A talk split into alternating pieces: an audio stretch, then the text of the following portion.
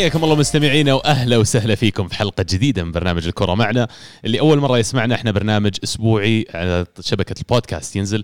آه نتكلم فيه عن أحداث كرة القدم وأهم الأحداث اللي صارت خلال الأسبوع الماضي في الدوريات الكبرى العالمية. آه راح أبدأ اليوم بتعريف بالحضور أنا عبد الله ومعي عزيز. يا هلا والله وسهلا حياك الله يا عبد الله حيا الله مستمعينا. وحلقة إن شاء الله راح تكون جميلة وممتعة تحديدا لأنه عادة الكرة في إيطاليا. الله الله الله الله. مبروك شفت خلي بعد غيبة أبو داحم يلا حيه welcome back يا هلا والله أبو عابد حياك الله وحيا الله عزيز وحيا الله المستمعين. فقدناك والله يا أبو داحم. حبيبي والله لا تطول الغيبات يا أخي. أبشر. ترى تغيرت عليك أشياء كثير من المرة الماضية. والله أنا لا أشوف الطاولة ما شاء الله يعني فيها تغيرات. أي مو بس الطاولة بعد إذا صدق ال- ال- ال SoundCloud وال analytics اللي تطلع فيه يعني يبدو لي صار في مستمعين كثير من السودان. ما شاء الله. وأرحب بأخواننا كلهم من السودان كلكم والله واحد واحد على رأسي ومن كل الدول العربية يعني في الأخير آه، كلنا نتكلم لغة الكورة. صحيح. ونشوف تفاعلوا معنا كلكم ليش لا؟ صحيح. نبدأ خلينا نطب على طول كذا في الدوري الإسباني السفاحي. الجولة هذه يعني مو بس الدوري الإسباني بنجيها بعد شوي ايطالي جولة الكرات الحمراء. آه، المباراة الأولى أثلتيك آه، بلباو تعادل واحد واحد مع برشلونة. في مباراة برشلونة بلعوا كرت أحمر على إيريك غارسيا في الدقائق الأخيرة وممفيس ديباي الانتقال الجديد اللي تسجل بسبة التضحيات اللي قام فيها الكابتن بيكي اللي تكلمنا عنها في الحلقات الماضية. آه، والآن يعني يثبت أن برشلونة قاعد يحاول بدون وجود ميسي أنه ينافس لكن في صعوبة شوي. أكيد. المباراة أساسا صعبة. يعني لما تلعب مع أتلتيكو بالباو في السان مامس دائما مباراة صعبة خصوصا في السنوات الأخيرة. بين الفريقين حتى مع وجود ميسي. آه، ال- ال- ال- الشيء يمكن السلبي بالنسبة لجمهور برشلونة إن الفريق ظهر بأداء آه، يعني سيء نوعا ما. آه، أتلتيكو بالباو كان يمكن أقرب للفوز وضيع فرص كثيرة. حتى في لقطة آه، طرد اريك غارسيا كانت يعني آه، الحل الوحيد بالنسبة لاريك غارسيا ولا كان ممكن يكون هدف بالنسبة لأتلتيكو بالباو أعتقد إن ال ال ال الشيء الإيجابي ممكن من المباريتين ال ال ال اللي خاضها فريق برشلونة آه، هو في في شخصية معينة للفريق وهذا اللي يمكن اللي تكلمنا برضو عليه في أوقات كثيرة إنه كومان هو يمكن ال- الرجل المناسب في هذه المرحلة بالنسبة لبرشلونة آه، بحكم شخصيته القوية اللي راح تساعد في إن الفريق آه، يصير هادي خصوصا بعد فترة الصيف الصعبة من أخبار انتقالات ميسي من وضع الفريق من ناحية الديون وما إلى ذلك. ف آه، لسه بدري على الحكم آه، لكن آه، فيما يخص المباراة تحديدا الفريق ما طلع أو ما ظهر بالصورة ال- ال- ال- اللي كان متوقع إنه يظهر فيها. أيوه خلينا نصير بعد يعني صريحين واقعيين. برشلونة ما استاهل حتى النقطة فعليا من المباراة لأنه يعني لما تجي تشوف ولو كان الاستحواذ لصالح برشلونة كمية الهجمات والتسديدات على المرمى بالنسبة لبلباو أعلى بكثير من برشلونة. ويعني يمكن أستثني بس فرانكي دي يونغ ال- الأداء اللي قدمه وديباي إنه قدر يسجل الهدف الأخير. يعني هي اللي كانت الإيجابيات بقول بالنسبة لبرشلونة وخروجهم من النقطة هنا. لكن آه، بريثويث آه، هجمة قدام الباب في الشوط الأول ضاعت من قدامه. برشلونة قاعدين نشوف فريق مختلف بعض الشيء وكومن حتى اللي يعني المفروض إنه هو اللي مدير خلينا نقول آه، إعادة البناء هذا. يبدو لي ما توفق في اختياراته ولا في اختياراته التكتيكية في المباراة لأن زي ما قلت يا أبو داحم مباراة صعبة لكن حط فريقه بطريقة إنه بيلعب من الدفاع بيلعب بأسلوبه المعتاد. أما أنا الأوان لأن الآن مثلا ميسي طلع إن برشلونة يمكن يعيد اختراع طريقة لعبه؟ آه، ممكن وارد خصوصا مع نوعية العناصر اللي موجودة حاليا. تعطيه الفرصة إنه ممكن يجرب أكثر من طريقة. آه، وزي ما قلت عبد الله إضافة ديباي إضافة جدا يعني صراحة آه، بالنسبة لي شخصيا أنا بحكم يمكن تجربته مع مانشستر يونايتد آه، خلينا نقول ما ودي أقول حكمت عليه ولكن ما حسيت إنه ممكن آه، ينجح في فريق كبير. ولا ولا نحكم عليه بالنجاح حاليا لسه بدري ولكن اللاعب عنده potential إنه يكون أحد أهم العناصر في في برشلونة هذا ال- ال- الموسم. آه، بيعطيه حلول مختلفة بيعطيه مجال إنه ممكن يجرب أكثر من طريقة أو أكثر من من مجال. آه، ولسه لسه بدري يعني. أعتقد إنه في في في مباريات جاية كثير وفي منافسات كثيرة ممكن إحنا نشوف فيها أشياء مختلفة. عندي تعقيبين عبد الله اللي تكلمت عنه عن ال- الحياة ما بعد ميسي أم، ملاحظة مرة مهمة وأشوف إنها يعني تستحق النقاش. هل أصلا برشلونة في آخر سنتين ثلاث سنوات يمكن فقد هوية برشلونة المعتادة وأصبح فريق يعتمد أو يت- يتكل تماما على ميسي وإنقاذات ميسي في المباراة. هل نتكلم الآن عن عودة برشلونة إلى حقبة ما قبل آه، الاعتمادية هذه كاملة على ميسي؟ مع وجود ميسي يعني يمكن نتكلم عن سنوات برشلونة الجميله اللي كان فيها تشافي وفيها نيستا يعني ما قبل الآخر سنتين اللي يمكن هي اللي عليها الملاحظات. ولا تتكلم عن تغير كامل في أسلوب برشلونة؟ يعني إحنا بنعرف إن برشلونة عندهم إرث وعندهم نوع معين من كره القدم اللي يلعبون فيها اللي يعتزون فيها. فهل هي العودة لهذه الكرة اللي الحين بعدوا عنها كثير ولا شيء مختلف تتكلم عنه تماما؟ يعني أتذكر في حلقة عزيز ما أدري لو تذكرون شباب العام الماضي أو العام اللي قبله لما اعتزل بيرلو وتكلمنا فيه عن وفاة كرة القدم الكلاسيكية بمفهومها القديم اللي عرفناه وتكلمنا كيف أن اليوم ما أعتقد راح يطلع بيرلو جديد لسبب واضح وبسيط أن واحد زي بيرلو مثلا بالمميزات اللي عنده ولا تشافي لما يجي في الفئات السنية وقبل ما إنه يدخل على الفريق الأول مرة صعب إنه يلقى الفرصة ومرة صعب يدخل الفريق لأن كرة القدم تغيرت بشكل عام. صار في تركيز بشكل كبير على ال intensity يسمونه ولا على القدرة الجسدية للاعب إنه يقدر يضغط يقدر يركض 90 دقيقة يقدر يصير عنده كل المقومات الجسدية. قبل ما يصير عنده تكنيك قبل ما يصير عنده القدرة على لعب كرة القدم يعني في صار خلينا نقول فلاتر موجودة ما قبل آه، دخول اللاعبين للفريق الأول. فأنا أعتقد أن أسلوب لعب برشلونة اللي تكلمت عنه في حقبة العز حقت ميسي وتشافي وإنيستا وبوسكيتس وفريقهم اللي اللي جاب يعني Champions League وأكثر من مرة وبطريقة يعني ما أعتقد في فريق راح يعيدها أعتقد أنها انتهت هذه. وبشكل عام كل فريق وكل مدرب المفروض إنه يحط فريقه يلعب بأفضل الإمكانيات اللي موجودة عند اللاعبين اللي عنده. فأنا أعتقد اليوم وجب إنه يصير في ثورة جديدة في أسلوب لعب برشلونة وقد تكون يعني خلينا نقول blessing in disguise ولا شيء نعمة مو منتبهين لها إنه خروج ميسي بالطريقة هذه راح يعطيكم فرصة ان ترجعون للوحة الرسم ترجعون لخطة التدريب أو للوحة التدريب وتبتدع طريقة جديدة يلعب فيها الفريق. بالعوده للموضوع بس آه، بيكي بيكي قبل المباراة حذروه الأطباء إنه ما يلعب. قالوا له إنه المفروض إنك ترتاح تاخذ بريك ويبدو لي ما كان مستغرب. أجل بعد 30 دقيقة طلع مصاب. ولا حتى حاول إنه يكمل. يعني كان واضح إنه عنده خبر هو عارف إنه عنده مشاكل آه، عضلية فعلى طول قرر إنه يترك المباراة. أشوف إنها مغامرة ويمكن هذا يجرني لموضوع ثاني إن دفاع برشلونة يبدو لي إنه هو نقطه الضعف الكبرى في هذا الفريق. غارسيا ما هو باللاعب الخبير اللي ممكن يعتمد عليه بشكل كامل. والآن مع إصابة بيكي أتوقع إنهم يمرون في في مشاكل كبيرة. أستغرب إنه عدم تعزيزهم لمدافع آخر بالذات إنهم عارفين إنه عندهم مشاكل مع أمتيتي والعقد اللي, اللي عندهم تيتي ما في فلوس يا طب عادي عادي يعني يجيبون يعني في في صفقات مجانية ممكن تجيب. في أخبار طلعت اليومين اللي راحت عن الانجلي إنه قريب من روما. وهذا الشيء بيعطي مجال للفريق إنه يقدر ممكن يجيب لاعب مدافع بديل آه للفترة هذه. لكن ترى على الورق ما أدري إذا تتفقون معي يعني أنت عندك خمس مدافعين يعني يعتبرون نوعا ما جيدين.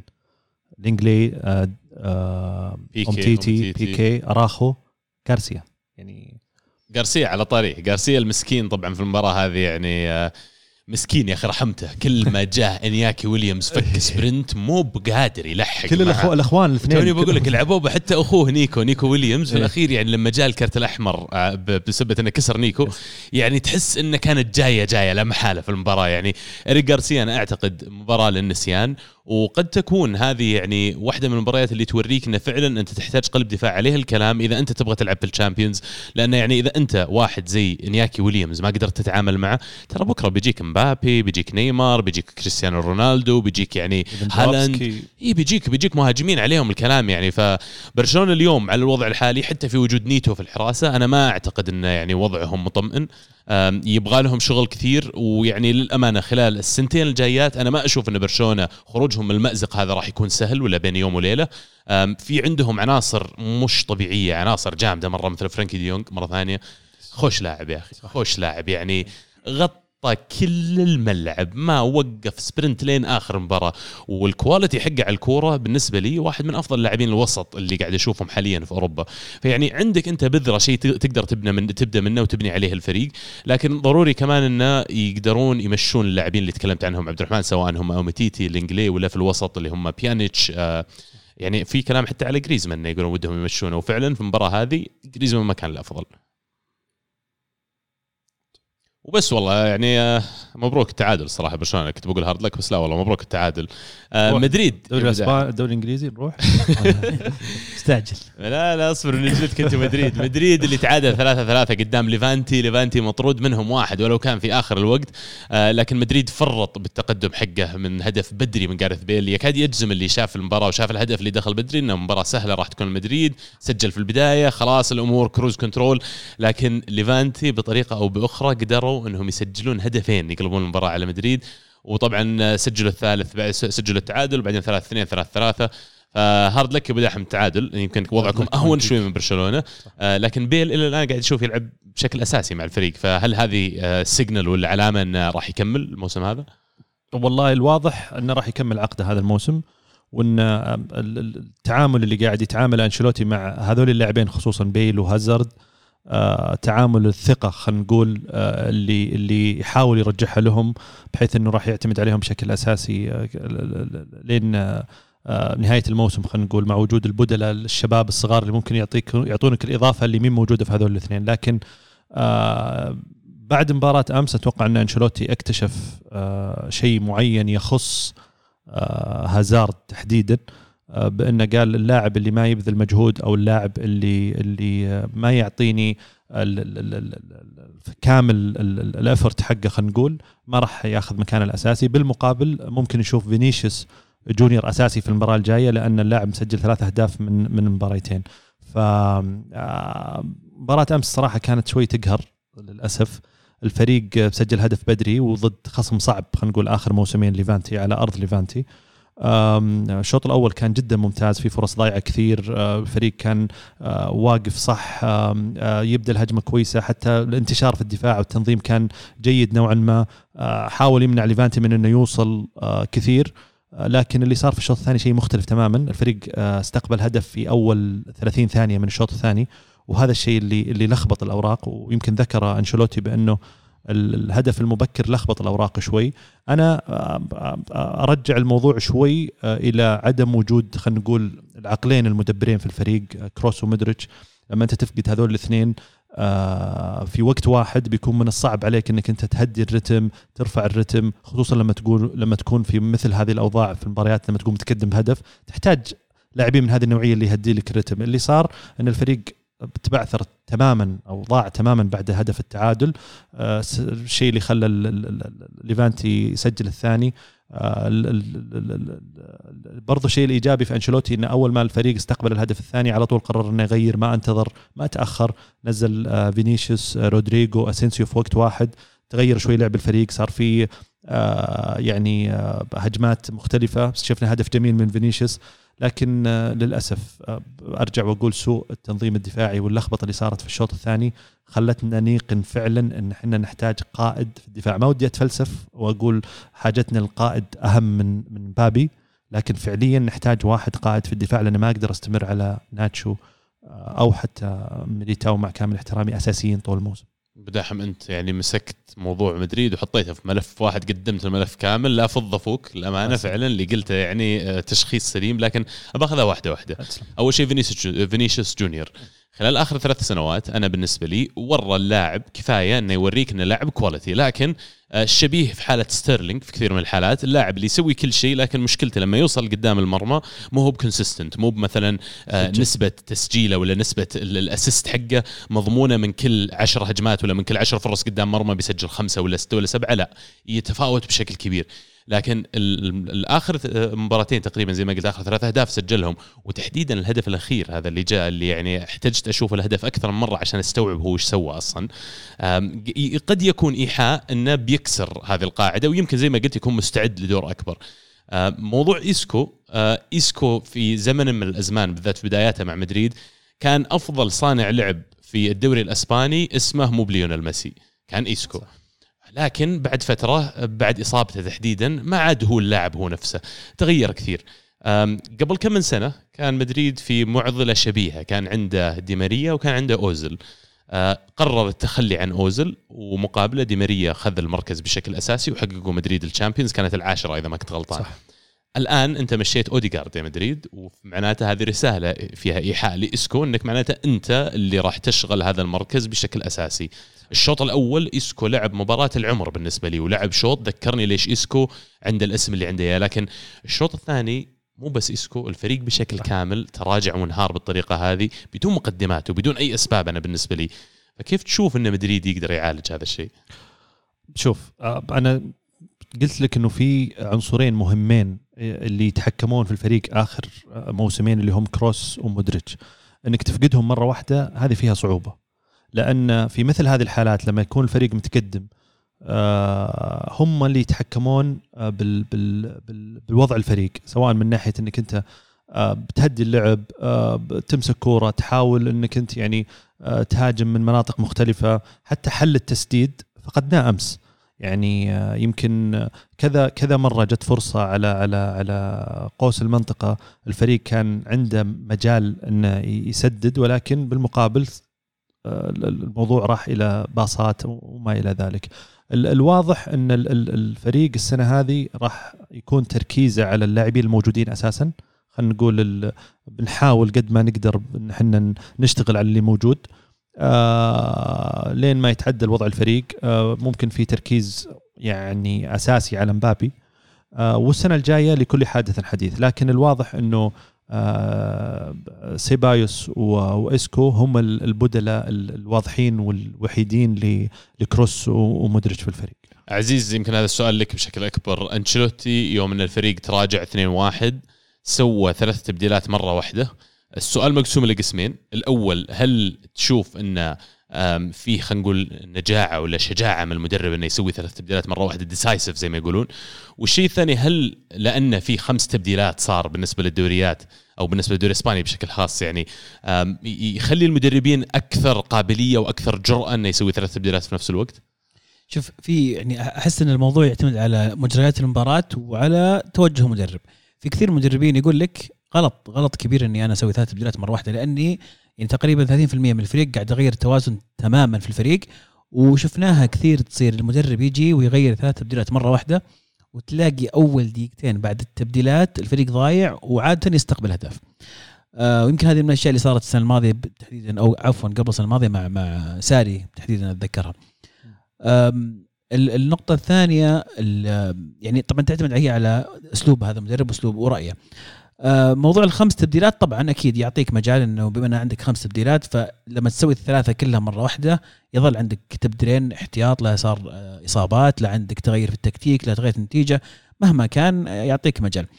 يمكن في في هذه المباراة النتيجة كانت يعني 2-1 وقتها فكان محتاج أنشيلوتي إلى إلى خلينا نقول تغيير عنيف drastic change في التشكيلة بحيث إنه هو شاف شيء ما هو ضابط ويحتاج فعلا إنه يغير بشكل سريع. فيمكن هذا السبب الرئيسي في, في التبديلات. إذا تسمح لي عبد الله ودي أرجع بس النقطه وحيدة.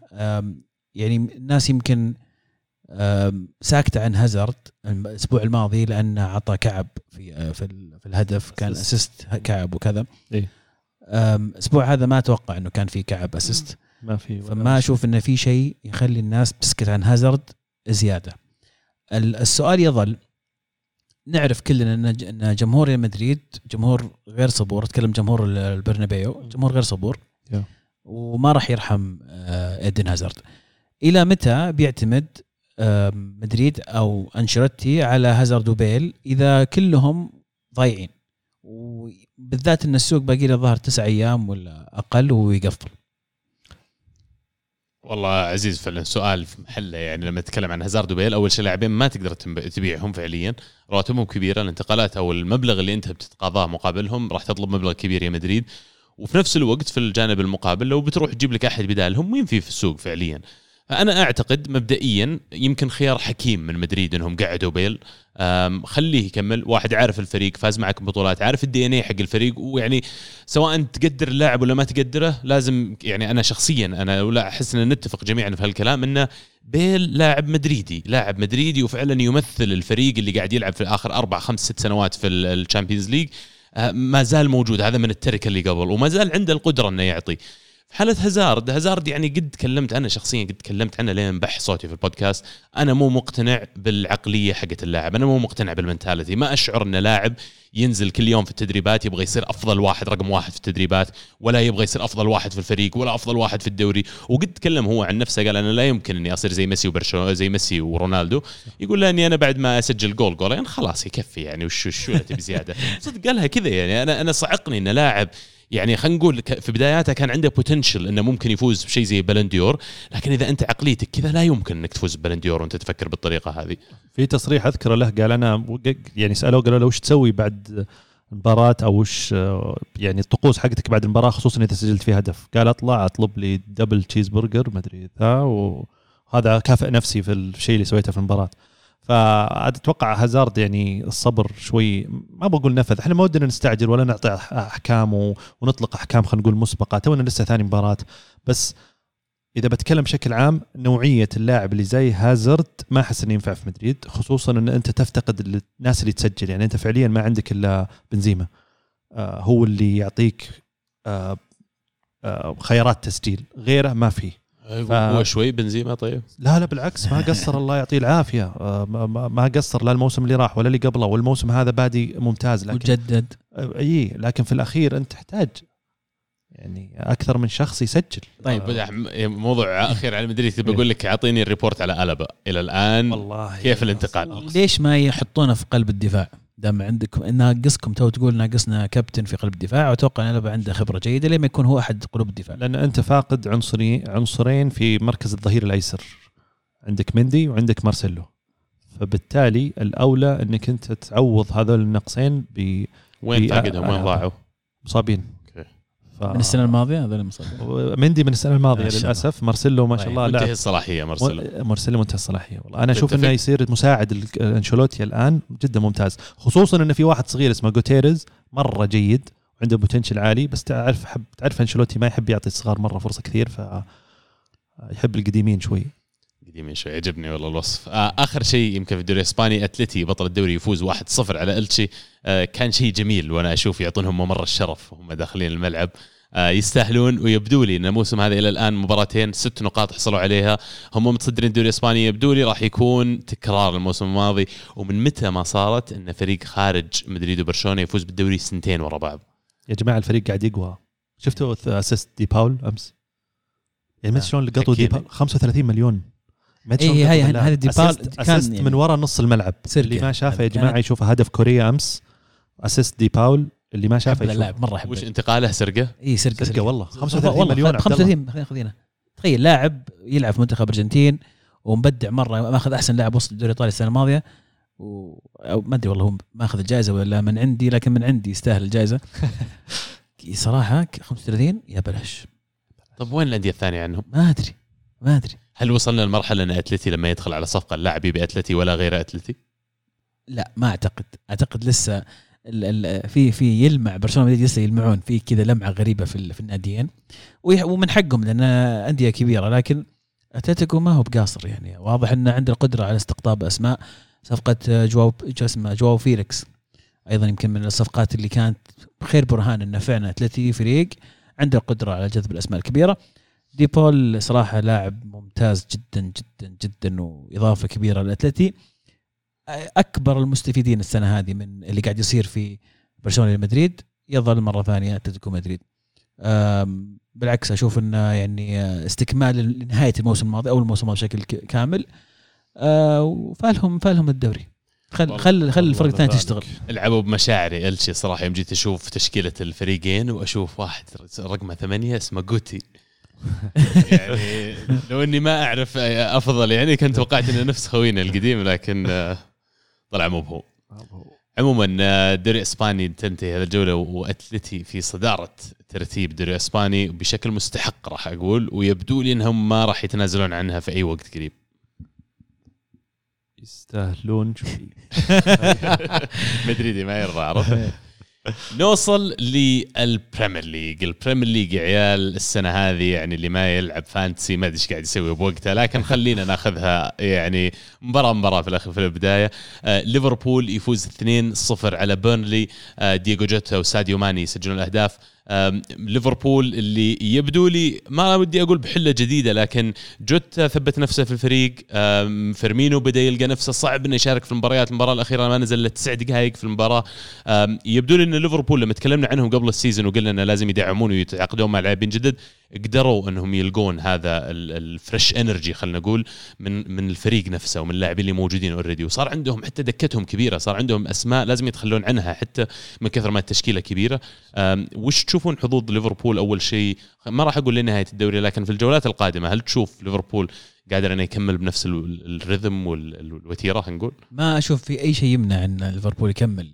عودة فان دايك طبعا الا الإصابات يعني لا سمح الله.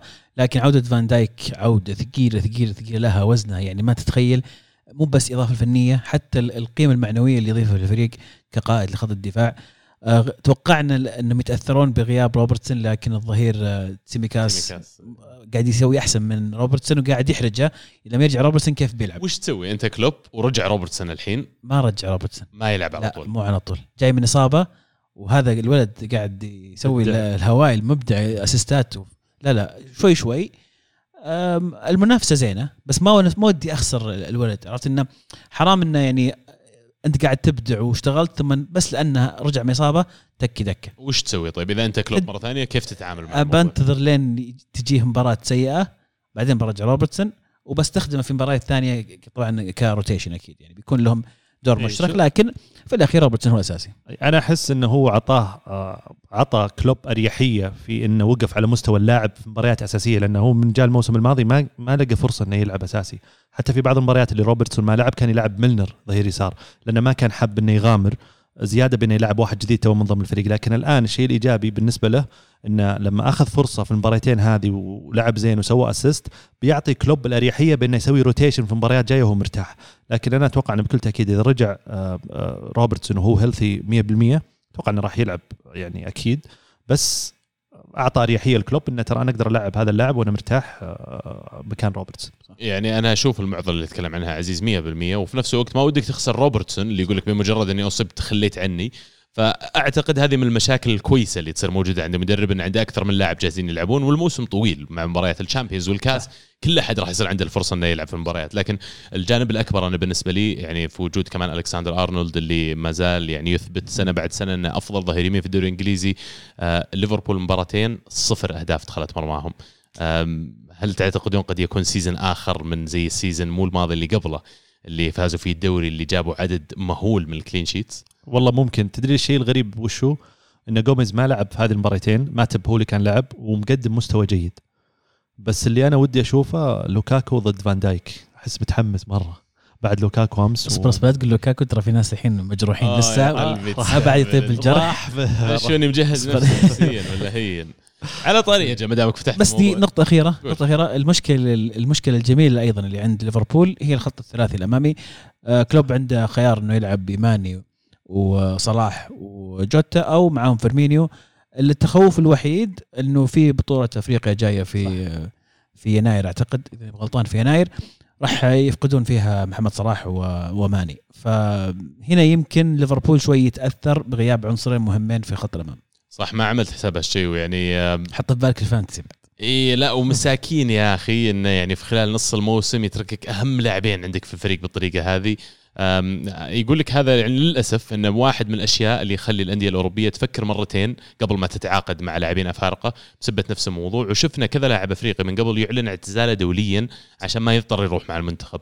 يعني أم، ما أدري أنا ليش هو تقام وقد تناقشنا قبل ما أدري ليش تقام في نص الموسم. قد يكون بسبة الحرارة. لكن في نفس الوقت أعتقد المفروض إنه يلقون حل أنسب وواقعي كمان وفير أكثر حتى بالنسبة للاعبين. يعني بالنسبة لماني وصلاح مو هو من العدل كمان تطلب منه يترك فجأة في نص الموسم فريقه ويروح يتوجه لبطولة دولية. لكن عموما ودي أسمع وجهة نظركم المستمعين يعني يمكن عندكم شيء أنا مو منتبه له. اللي بتكلم عنهم نكست ارسنال وتشيلسي ارسنال في ملعب الإمارات يخسر 2-0 أمام تشيلسي مباراتين من الخزي لأرسنال الاولى أمام برنتفورد على ملعب الإمارات كذا لا away away. المباراة الأولى إيه.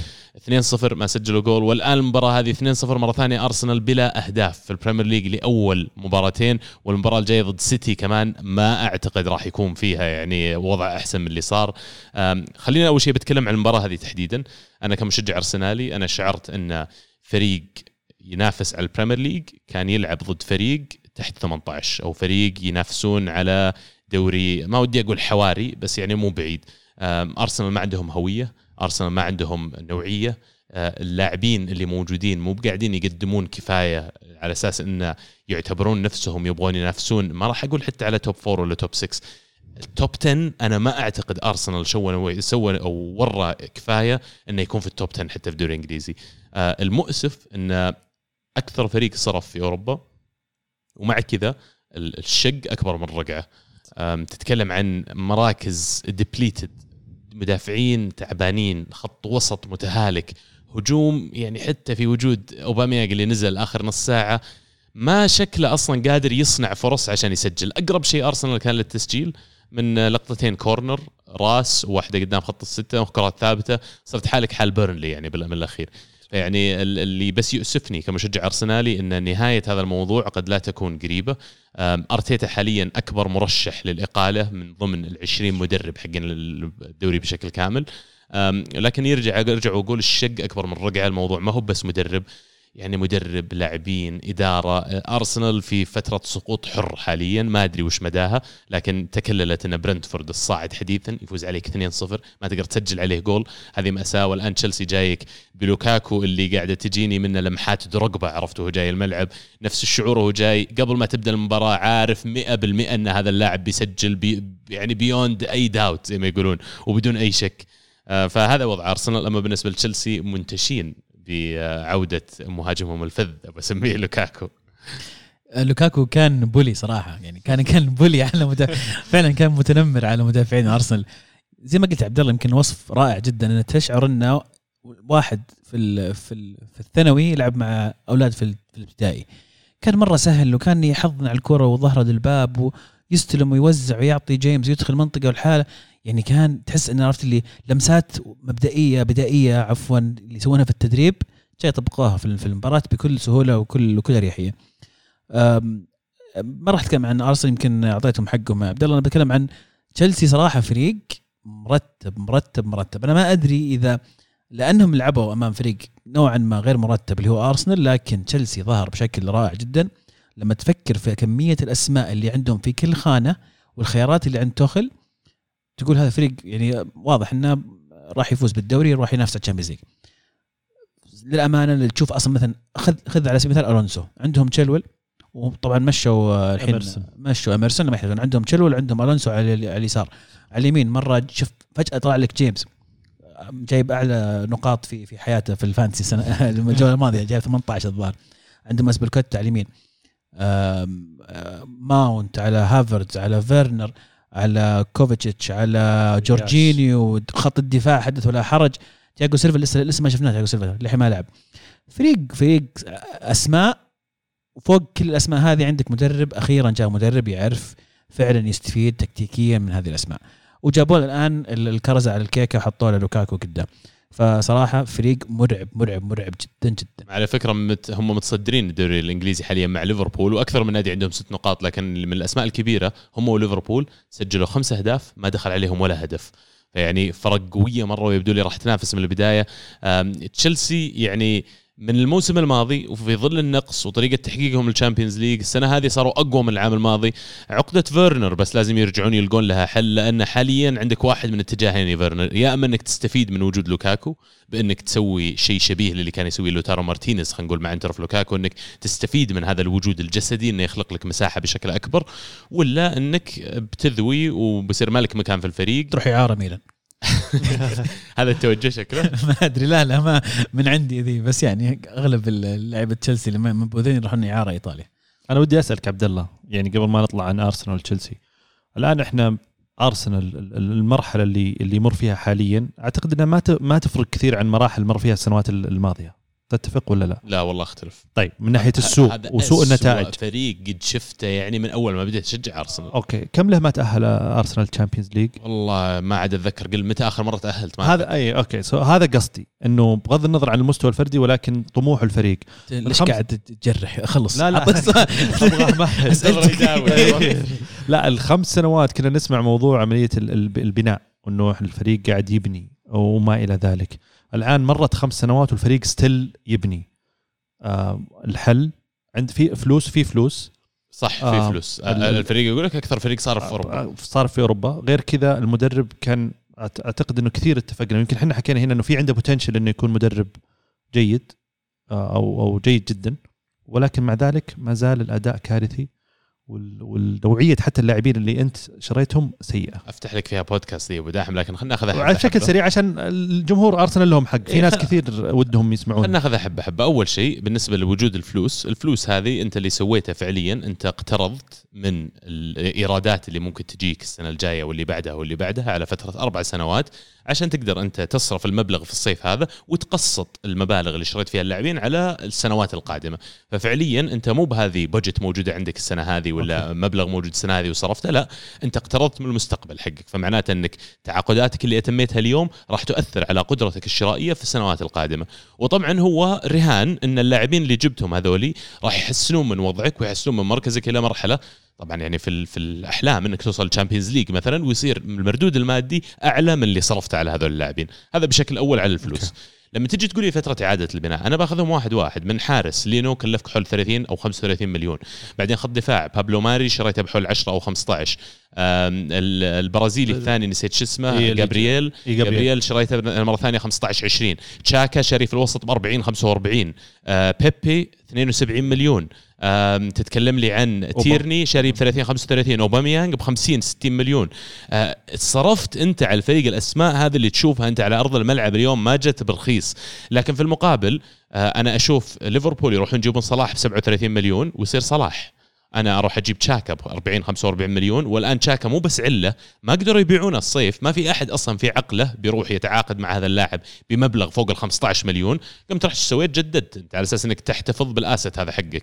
فأنا بالنسبة لي الإمكانيات والموارد المادية اللي عند أرسنال إدارتها ترى ما كان بعيد من إدارة برشلونة للموارد اللي عندهم خلال السنوات الماضية لكن مع فرق بسيط إن أرسنال ما عندهم أحد يتقاضى 50 60 70 مليون في السنة كراتب.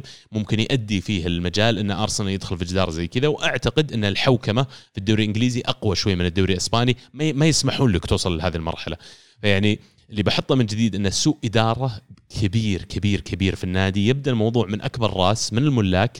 الملاك طبعا مبسوطين لأن في الأخير هم قاعدين يطلعون فلوس من النادي قاعد تزيد القيمة حقت النادي. لكن شيء تكلمنا عنه إحنا خلال ثلاث سنوات عبد العزيز أنت دائما تعيد هذا الموضوع ان ال- الفريق اللي ما يؤدي ويبدأ ينزل مركزه في جدول الترتيب بينزل قيمة هذا النادي وبتنزل إمكانياته المادية صح. وبينزل كمان الموارد اللي تجي أو الإيرادات اللي تجي المادية. ف في ال- في المدى الطويل اللي قاعد يصير قاعد يضر بالنادي وقاعد يضر حتى بملاك النادي لكن إدارتهم ما يبدو لي إن عندهم القدرة على إدارة الموضوع بأفضل من كذا. وجايين مسلمين الخيط والمخيط لمين الإدو ومعاه أرتيتا على أساس. إدو أنا بالنسبة لي اللي سواه والتعاقدات واختياراته عليها علامات استفهام. وشبهات كبيرة. لازم طبعا نحط إحنا بس في عين الاعتبار إن ارسنال عنده مشكلة في تسجيل اللاعبين الهوم جرون يسمونهم ولا اللاعبين اللي تدربوا في إنجلترا قبل سن ال 21 لمدة ثلاث سنوات على الأقل. وهذه كارثة إنك فريق زي ارسنال اللي مشهور بإنتاج المواهب وبإنتاج اللاعبين الشباب إنك توصل مرحلة الحين ما عندك ثمان لاعبين تسجلهم متدربين في إنجلترا قبل الثلاث سنين. مو حتى في ارسنال مو متدربين في إنجلترا بشكل عام ثلاث سنين. فتروح أنت شو تسوي؟ تروح تضطر تدفع 50 مليون على بن وايت عشانه يعبي لك الكوتا هذا. آه، تضطر انك تروح تدور لاعبين انجليز تسجلهم من ال Premier League وتدفع عليهم مبالغ كبيرة يمكن أعلى من قيمتهم فعلا على أرض الملعب بس عشان انك ما تنزل أنت لل Premier League بتسجيل, بتس- بتسجيل قائمة من 17 لاعب فقط. فأنا اللي أقول لك الموضوع يطول لكن باختصار هو سوء كارثي لإدارة الموارد. ويعني ما أعتقد إن النهاية في أي وقت قريب. عزيز انت كنت تطقطق علي الأسبوع الماضي تقول لو يجيكم كونتي وبدأت تكبر الفكرة في رأسي. يعني أتخيل لو كنتي أعطيت هذا المبلغ ال طقطقة. 200 مو 250 أنا مليون. يعني أتخيل مو صدق أبغى أشوف كونتي يمسك يشخل أرسنال. أبغاه يدخل غرفة الملابس ويلعن والدي والدين أو على الأقل أحد مشابه لكونتي لأن كونتي راتبه عالي يعني فما صعب بس صح على ممكن. وقفت أتكلم على راتب مدرب. لا تدري ليش؟ لأن أنا أشوف نوعية اللاعبين. مثلا أقول لك إن- دامك أنت قادر أنك تدفع 50 مليون pound في في بن وايت فليش ما رحت مثلا كوليبالي؟ مثلا هذا هذا هذا النقطة فران يا عمي شارينا فران. فران شارينا بأرخص تقريبا مع بس رواتبه فكرة بن وايت إنه homegrown بالضبط إيه. هذا اي هذا. هذا تو اي توني أنا عرفت مو بس كذا أنت قاعد حتى ال- تروح حتى الاثنين اللي هذا اللي بالبلجيكي اللي اللي جاء سامبي. والثاني ونيو- نو- اي سامبي وحش اي ب- والثاني ن- ن- نونو؟ تافاريز. نونو تافاريز آه، جيدين ولكن هل هم up to the standards of ارسنال هل من هذا. اللاعبين اللي بينقلونك من مرحلة إلى مرحلة؟ وش, وش لحظة؟ وش up standard ارسنال إحنا ما جاب في ارسنال العيد إلا الكلمة هذه. لما؟ تيجي تقول standard حق ارسنال ال standard حق ارسنال أنا بالنسبة لي آخر أربع سنوات المركز الثامن تاسع. أي آخر أربع سنوات بتنصقع إي بتنصقع رايح جاي ضد الفرق الكبيرة. آه، بتنزل أنت ما عندك أي أمل أصلا إنك تنافس. موضوع أصلا تحولك من منافس على ال top four إلى منافس على الدوري أنا بالنسبة لي صار أبعد من أي وقت مضى. اليوم أنا قاعد أطالع جدول الترتيب. برايتون المركز الأول جايب ست نقاط. إحنا لاعبين ست نقاط نفس الشيء متوقع ما أبغاك تجيب شيء ضد تشيلسي اللي مع إنك المفروض داقش معهم. ثلاثة على الأقل. أبيك ضد برنتفورد. فريق تو صاعد تو جاي يا حبيبي. أنت جايك صيف ولك مدرب و pre-season مو مقبول يعني الكلام هذا قصدي. وما في أي عذر ممكن إنه يغطي على الكلام. أنا أول كنت متعاطف مع أرتيتا لكن انتهى التعاطف الامانه سواء مع أرتيتا ولا مع غيره لأن الوضع حاليا ما يوحي ولا يبشر إنه بينحل في أي وقت قريب. المباراه الجاية قدام سيتي. تسع نقاط صفر من تسعة. حرام حرام. جد- جدول ما مو بقاعد لا تحطها في. الجدول عزيز. سبيرز لعبوا أول مباراة ضد السيتي فازوا عليهم 1-0 سبيرز وين كانوا؟ وأرسنال وين كانوا قبل 10 سنين؟ صح. إيش 10 سنين؟ قبل ثمان سنين قبل سبع سنين. لكن اليوم سبيرز يقدر يفوز 1-0 وعلى فكرة سبيرز فايز مباراتين بنتكلم عنها بعد شوي. 1-0 1-0 فريق عارف من اين تؤكل الكتف. أنت إيش قاعد تسوي؟ أنت من الحين من قبل ضحكني أرتيتا في المؤتمر الصحفي أو في المقابلة اللي بعد مباراة تشيلسي. قالوا له ها والوضع الحين وأنت صفر من ستة وش بتسوون المباراة الجاية ضد السيتي قال لي ما عندنا خيار إلا لازم نفوز. يا عمي حدث العاقل بما يعقل. أنت ما أنت ما فز ما سجلت جول على برنتفورد. تبي تفوز على سيتي؟ يعني ما أدري. ذكرت واحد أرسنالي بعد المباراة الثانية في تويتر كاتب حسبي الله على هنري اللي علقنا في ذا الفريق ومشى. والله بداحم يعني أنا أقول لك الموضوع ما على هنري ولا غيره. يعني قلت لك مثال على صح، ليفربول. ليفربول في الاوقات اللي أنا بديت أتابع فيها أرسنال ما كان يتأهل ال top four أصلا. وشوف الشغل كانوا داخلين في الجدار لكن لما بدوا يشتغلون صح إدارة جديدة اشتغلت صح من البداية وصلوا إلى مرحلة إن جابوا لك لاعبين جمعوهم بمبالغ غير مبالغ فيها. هو شرى صلاح ب 37 مليون أنا شريت جيرفينيو ب 40 مليون. هو شرى ماني ب 30 مليون أنا شاري آه، تشاكا ب 40 مليون و45 مليون. ولك لك أنت تخيل الفروقات. يعني في الأخير أنا ما أبغى الصراحة أضيع نفس أكثر من كذا على أرسنال لأن الموضوع مو مستاهل أصلا. فريق زبال. ويعني آه، يست... والله يستاهلون يستاهلون. صفر تعاطف. سبيرز على طاري آه، ال- ال- النص الأرجل من لندن. يفوزون 1-0 خارج ملعبهم على وولفز آه، مدرب آه، سبيرز الجديد اللي هو كان مدرب وولفز شو اسمه نونو سانتو. آه، قاعد يسوي شغل مو طبيعي سبيرز محطوط بطريقة دفاعيا قاعد يرجع لل basics قاعدين نشوف ديلي علي يلعب من جديد. قاعدين نشوف clean sheets يطلعون فيها مباراة بعد الثانية وسون اللي قد يكون هو الرقم تسعة أو ال false nine الجديد بالنسبة لسبيرز في حال خرج هاري كين. يبدو لي إنه قاعد يستمتع بال- بال position الجديد حقه هذا. يعني زي ما قلت عبد الله يمكن يعرفون من اين تاكل الكتف فريق صاير يعني معنون ويمكن ال- الجميع كان عنده تخوف إنه كيف بيكون وهل نونو هو المدرب المناسب اللي اللي فريق يطمح إنه يطلع حبة زيادة بعد موسم يمكن الموسم الماضي كان غير موفق مع مورينيو. لكن فعلا فريق مرتب دفاعيا آه، رجعوا لل- للأبجديات كرة القدم في الدفاع. ال ال ال ال يمكن التخوف من غياب هاري كين في أول مباراة يمكن المباراة هذه نزل في في نهايتها. كان كبير لكن وأيضا أنا من الناس اللي كنت متخوف على مستوى صن بدون هاري كين لكن لا صن يعيد ويثبت إنه لاعب كبير ولاعب مميز جدا. آه، توتنهام يبدو لي ان وضعهم كويس السنة هذه. ما راح ما أتوقع شيء خرافي لهم لكن أتوقع إنه بالذات مع إضافة آه، الأسماء اللي جابوها روميرو في الدفاع مثلا آه، ديلي علي اللي يعني ما توقعنا إنه يكون أحد الأسماء الأساسية. نشوف نشوفه هو اللي حتى ال- اللاعب اللي ياخذ بلنتيات فأتوقع إنه وضعهم الموسم هذا راح يكون سليم كويس. يعني ما أتوقع إن عليهم خوف. على الجانب الآخر يونايتد يتعادلون واحد واحد قدام ساوثهامبتون. في مباراة بدأ فيها يونايتد بشكل رائع وممتاز في الاستحواذ على الكرة لكن ما قدر يترجم الاستحواذ هذا والمباراة إلى أهداف بالنسبة له وعاقبهم عليها ساوثهامبتون. وفي الأخير يعني أقدر أقول انه كانوا محظوظين إنهم طلعوا بتعادل في الأخير. بالنسبة لي مارتيال وماتيتش اختيارات غريبة وعجيبة. يقال إن يونايتد مهتم بكامافينجا لكن كمان يقال إن الانتقال آه، الفرص حدوثه منخفضة. إلى الآن يعني الموضوع بعيد عنهم. فبالنسبة لكم يونايتد وين تصنفونه؟ خلينا نقول لما نجي نتكلم عن ليفربول وسيتي وتشيلسي كفرق قوية حاليا وقاعدة تنافس هل تصفون معاهم يونايتد ولا في ظل وجود هذا المحور اللي يبحثون عنه سواء هو كامافينجا ولا غيره؟ راح تكون منافستهم أصعب. والله شوف أنا المباراة الأولى لمانشستر يونايتد أعطتنا انطباع إن الفريق راح ينافس خصوصا يعني بعد إضافة آه، يمكن فاران وسانشو للفريق و وهذا الفريق بدون ما شاركوا اللاعبين هذول الاثنين يعني سانشو شا- شارك يمكن آه، جزء بسيط وفاران أصلا ما شارك فأعطانا انطباع إنه مع هذول الاثنين الفريق راح يتغير تماما لكن المباراة الثانية آه، يعني آه، خلتنا شوي نهدي على قولتهم ونرجع نعيد النظر نشوف. آه، من وجهة نظري إن الفريق مع آه، برونو فرنانديز وبوجبا كلاعبين خلينا نقول متقدمين شوي يحتاجون لاعب قائد خلينا نقول في مركز ستة آه، يتحكم في في في رتم المباراة. وهذا الشيء يمكن هم فاقدينه بسبب تفاوت مستوى فريد أو حتى ماكتومناي اللي ممكن يعطيك مباراتين ثلاثة ممتاز بعدين يجيك آه، يهبط آه، شوي مستواه لكن آه، ما أشوف إنهم ينقصهم شيء كثير. وصلوا إلى مرحلة المفروض عليهم إنهم هم ينافسون على اللقب. سولشاير قعد مع الفريق فترة جيدة. الفريق دعم تدعيمات حسب طلب المدرب.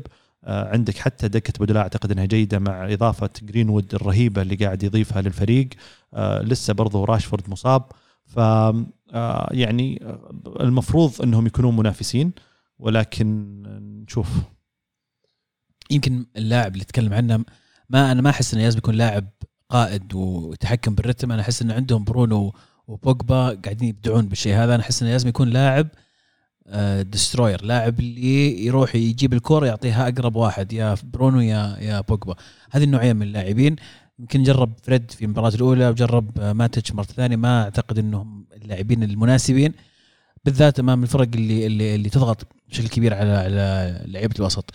ما أتوقع باقي وقت في السوق لصفقة آه، صراحة ل- ليونايتد لكن يحتاجون أتوقع. يقولون رو روبن نيفز آه، يفكرون فيه اي هذه. هذه كلها عزيز أنا مبسوط إنك طريت هذا الموضوع لأن هذا بياخذني الموضوع اللي بعده موضوع بوجبا. بوجبا عقده ينتهي الصيف القادم. وبالنسبة قياسا لأول مباراتين يبدو لي بوجبا متوجه إنه راح يكون قد يكون أفضل لاعب صانع لعب في ال Premier League السنة هذه ويمكن حتى في أوروبا. بعد- يعني أنا ما ودي اتمادى لانها في الأخير 180 دقيقة كلها يعني جاب فيها خمسة assist. لكن بالنسبة لي بوجبا قاعد يلعب بحرية كبيرة لأنه يعرف إنه بغض النظر عن وش ال- النتيجة لهذا نهاية العقد هذا سواء هو آه، بعدم تجديد عقده وإنه يطلع كلاعب حر ولا إذا إنه يوقع عقد جديد مع يونايتد ولا حتى في الحالة الثالثة اللي هي اضطريت أنت موضوع نيفز الحين اللي هو يونايتد يبيعون بوجبا قبل نهاية آه، آه، أوغست الجاري قبل نهاية آه، أو قبل إقفال سوق الانتقالات. بوجبا هو الرابح الأكبر في كل الحالات. فيعني ال- الحرية اللي قاعد تصير عند بوجبا أنا بالنسبة لي قاعد تخليني أشوف بوجبا اللي يلعب في المنتخب الفرنسي اللي يروح بدون أي ضغوط بدون أي قيود قاعد يلعب لأنه يعرف إنه مستقبله في يده اليوم. يونايتد تعاقده مع لاعبين إضافيين بداح مع الكلام هذا راح يرتكز بشكل أساسي على بيع بوجبا من عدمه. وأعتقد إنه في حال مشوا بوجبا الخيار آه، راح يكون كامافينجا قبل ما يكون آه، نيفز. لكن إذا ما قدروا على كامافينجا راح يجيبون نيفز ويقولون كمان تريبير يبون يجيبونه. فيعني أعتقد حتى يونايتد بالنسبة لهم قالوا انه يعني مو منضغطين على موضوع تجديد عقد بوجبا. هم بالنسبة لهم يعني سعيدين إنهم يفتحون التفاوض في أي وقت بوجبا جاهز فيه. لكنهم كمان يبدو لي ال- إذا إذا صدقت الأخبار اللي قاعد تطلع من يونايتد إنهم قابلين بموضوع إن بوجبا في الغالب لن يجدد عقده وبيطلع بشكل حر في الصيف القادم. فيعني ال- ال- الأشياء هذه كلها تصب في جانب إن بوجبا راح يكون لاعب محوري ومهم بالنسبة ليونايتد السنة هذه في حال قدر يكمل على نفس المستوى أنا بالنسبة لي ولو كان تعادلوا في المباراة هذه يونايتد مو بعيدين إنهم يكونون force حقيقي في البريمير ليج لأن حطوا في بالكم في لاعبين لسه ما شفناهم جيدون سانشو كم لعب للآن يمكن 45 دقيقة كلها على بعضها في مباراتين فران إلى الآن ما لعب كافاني فعليا ما رجع ولا لعب راشفورد. مصاب وما لعب. يعني في أسماء لكن تظل مثل ما قلنا الحلقة الماضية الجليرنج هول عندهم في مركز المحور لأن ماتيتش عطفا على المباراة هذه آه، منتهي الصلاحية. والله في سيناريو جاء في بالي وانت لما قلت بوجبا غالبا السنة الجاية بيطلع ببلاش. وين؟ يعني من حقين البلاش اللي قاعد يعطون يعطون رواتب. وين بيروح؟ لا مو. برشلونة مدريد. PSG آه، لا شوف هو هو أصلا واضح إن بوجبا وده PSG بس شكل الوضع ما يسمح السنتين الجاية. راتب عالي والوضع عندهم صعب شوي. يطلع مبابي لكن ما أدري ليش جاء السيناريو في بالي إن مبابي ذا السنة مدريد السنة الجاية. بيريز بيجيب بوجبا ببلاش. وهالاند آه، الشرط الجزائي حق السنة الجاية يتفعل إنه يصير ب 75 مليون. أوف. شوف أنت لازم فريق يقدر يقيس مع باريس. باريس عندهم ميسي ونيمار وقلة أدب. أنت لازم فريق ترى بنفس ال level جالاكتيكو. عشان كمان بداحم ما ينفعش يقولون خذوا الجالاكتيكو من مدريد. صحيح. لازم مدريد اسماء المع واقوى أخي. شوف أنا أثق في بيريز. يعني شوف أوكي كرهته شوي الفترة اللي راحت بس إني أثق فيه. يعني والله العظيم ما سكوته ذا مو مطمني شوي وفي نفس الوقت يعني ودي أعرف وش بيسوي إيش ناوي عليه. هذا بس اللي عندنا بريمير ليج ولا نسينا أحد؟ باقي السيتي اللي فازوا السيتي. 5-0 على نورويتش. آه السيتي يا جماعة تناقشنا بشكل حاد الأسبوع الماضي. يحتاجون مهاجم ما يحتاجون مهاجم. يا عيال فازوا خمسة. آه يرجع الكلام اللي قاعد أقول لك أنا ما أعتقد مشكلتهم في المنافسة من عدمها. هو وجود هاري كين ولا يعني for that matter أي مهاجم ثاني أصلا. كمية ال talent اللي موجودة عندهم. وعجبتني سالفة يا أخي انه ملعب لك جريليش وفيران توريس كذا لما كان يلعبهم كأنهم مهاجمين وهميين مع بعض. يعني لو في أحد بيبتدع لك شيء جديد وبيخترع لك شيء جديد أعتقد هو جارديولا لكن فعليا واقعيا ما أعتقد إن التشكيلة هذه مناسبة بتفوز فيها بتشامبيونز ممكن تنافس فيها بدوري بس تشامبيونز صعبة وجيسوس على اليمين لاحظ إن إيه. اللاعب اللي تتوقع إنه يكون هو رقم تسعة صار يلعب على اليمين وأبدع صراحة بأسيستين في هذه المباراة بس يعني في نفس الوقت عبد الله مو مو قاعد أقول إن عندهم مشاكل هجومية إلا قاعد لكن ترى نورتش في هذه المباراة فتحوا الملعب وجايين بيلعبون بيهاجمون. تفتح الملعب قدام السيتي إيش قاعد تسوي يعني؟ مع كذا عزيز عندهم صفر تسديدات على المرمى. تسديدة واحدة أصلا ومهب على المرمى هذا. يعني أصلا لما تشوف إن الدقيقه 20 الظاهر 2-0 وطقطقوا عليك لعيبة السيتي يا عمي إيش قاعد تسوي؟ خلاص اسمع قفل ارجع ارجع. العب إيه، العب صفين دفاع وروق و... لكن هم فعلا فتحوا المباراة و... يعني حتى تشوفها في الأهداف يمكن الثالث أو الرابع والخامس كيف كان شبه انفرادات اللعيبة. والله شوف أنا أتعاطف مع نورويتش لأنه يعني كانوا يبغون يعني هو في الغالب بينهزم ضد السيتي فأدخل بشيء تشطح عليهم ولا بكيفهم. وأعتقد في الحالات هذه إذا قدرت تسجل على السيتي هدف بدري في أول خمس دقائق ولا عشر دقائق ممكن تتغير موازين الأمور. لكن اللي صار انه سيتي اللي سجلوا هدف own goal من كرول وبعدين كملوا الشوط الثاني 2-0 وثلاث أهداف في الشوط الثاني الفريق يعني تنمر على نورويتش بشكل كبير. السيتي في غياب كين مرة ثانية كسؤال آخر يا عيال. قادر إنه يحقق الدوري ولا لا؟ قادر لكن بغياب كين أنا ارشح تشيلسي. ما زلت يعني. صعب. أنا أشوف إنه يعني في صعوبة الدوري الإنجليزي على الترشيح الموسم هذا. صح إن أغلب الناس بين تشيلسي والسيتي بس إحنا ما سالناك لا الا انت معنا يا. حلقة. إيه. إيه لا لا. لا تنسون ليفربول يعني برضو. إيه. على طاري عبد الله تو سألت أنت قلت وين تشوف يونايتد في الترتيب؟ أنا بالنسبة لي ال- ال- المركز الأول تشيلسي وسيتي هذول اللي منافسين على الدوري. وليفربول؟ وبعدهم ليفربول ومانشستر يونايتد. ما أدري ما أحس إن ليفربول بالذات مع موضوع آه، أمم أفريقيا أتوقع هو اللي بياكل كثير من آه، امالهم في في الدوري السنة هذه. يقدمون طلب استئناف من أمم أفريقيا إنه يأجلون البطولة شوي. تدري وش سمعت بعد؟ واحد شطح فيني يلعب fantasy معي وشطح فيني يقول لي أصلا الحين محمد صلاح بيروح يلعب مباراة ودية مع منتخب مصر. ولما يرجع مع الإجراءات الاحترازية ما راح يقدر يلعب على طول مع مع ليفربول لازم ينحجر. فيمكن تفوته مباراة زيادة عن المباريات يعني بعد ما يرجع من التوقف الدولي أوف هذا يفتح لنا موضوع ال fantasy يا أجل تعال. اي فترة التوقف الدولية بعد الجولة الرابعة إذا ما كنت غلطان. فإحنا لعبنا جولتين بتلعب جولة زي... جولتين زيادة وبعدين بيجي فترة توقف. معناتها يا حقين ال fantasy حطوا في بالكم من اللاعبين إي من اللاعبين اللي مبارياتهم راح تكون خارج أوروبا. فزي ما قلت عزيز قد يكون لها هذه implication في موضوع إن العزل حجر. والحجر الانفرادي. صارت لاوباميانج لما رجع من تالي من الجابون أه، مرتين صارت خلال آخر أربع شهور بس. رجع من الجابون واضطر ينحجر وغاب عن المباريات بسبب بسبب الحجر والعزل. الشيء المفروض ننتبه له. كيف مسوين على طاري في ال Fantasy؟ والله يعني. نوعا ما نوعا ما جيد. لسه باقي لي اليوم مباراة مهمة عندي عندي ثلاث لعيبة يلعبون اليوم. أو لاعبين والله ناسي. بس آه، اللي هي طبعا مباراة ويست هام وليستر. فنشوف نشوف. لكن يعني بداية جيدة خلينا نقول. so far دائما فوق ال average والله الجولة الأولى العالم ضربت أي، فوق أي. ال 80 يقول لك 50% من آه، من اللي عندهم برونو كانوا حاطينه vice captain أنا كابتن كان عندي. لا الجولة الماضية. إيه، الجولة هذه الثانية لا لا لا الجولة اللي جاب فيها هاتريك. إيه. كان أكثر vice captain في ال- في ال- في اللعبة. ف صراحة أكثر كابتن صدق؟ إيه. إيه، يعني ما مو بفرق كبير يمكن فرق كم؟ كان ست نقاط بينهم. ويجيك أبو داحم يحط فاردي كابتن يقول عشان تلعب. بيلعب. اي مم. حاط فاردي؟ حط فاردي كذا. ما أدري والله تلعب. بداهم شكله عشان كذا ما لا لا ما عليه. ما لا بس على طريقه أنا بقول لكم مين اللاعبين أكثر لاعبين آه، تعاق أو أكثر لاعب تعاقدوا معه المدربين وجابوه في فرقهم الأسبوع هذا مين تتوقعون؟ الأسبوع هذا؟ لوكاكو. صح. ما شاء الله عليك. إيه. على طول الله. ها؟ لوكاكو يقول لك أكثر لاعب جابوه مدربين 224 ألف مدرب جابوا لوكاكو. بس تدري كم لوكاكو كم عند عند كم واحد؟ مليون وشيء لأن في ناس جايبين من الجولة الأولى. من أول ما حطوه في اي. من أول ما حطوه فالظاهر الحين هو الحين عنده مليون.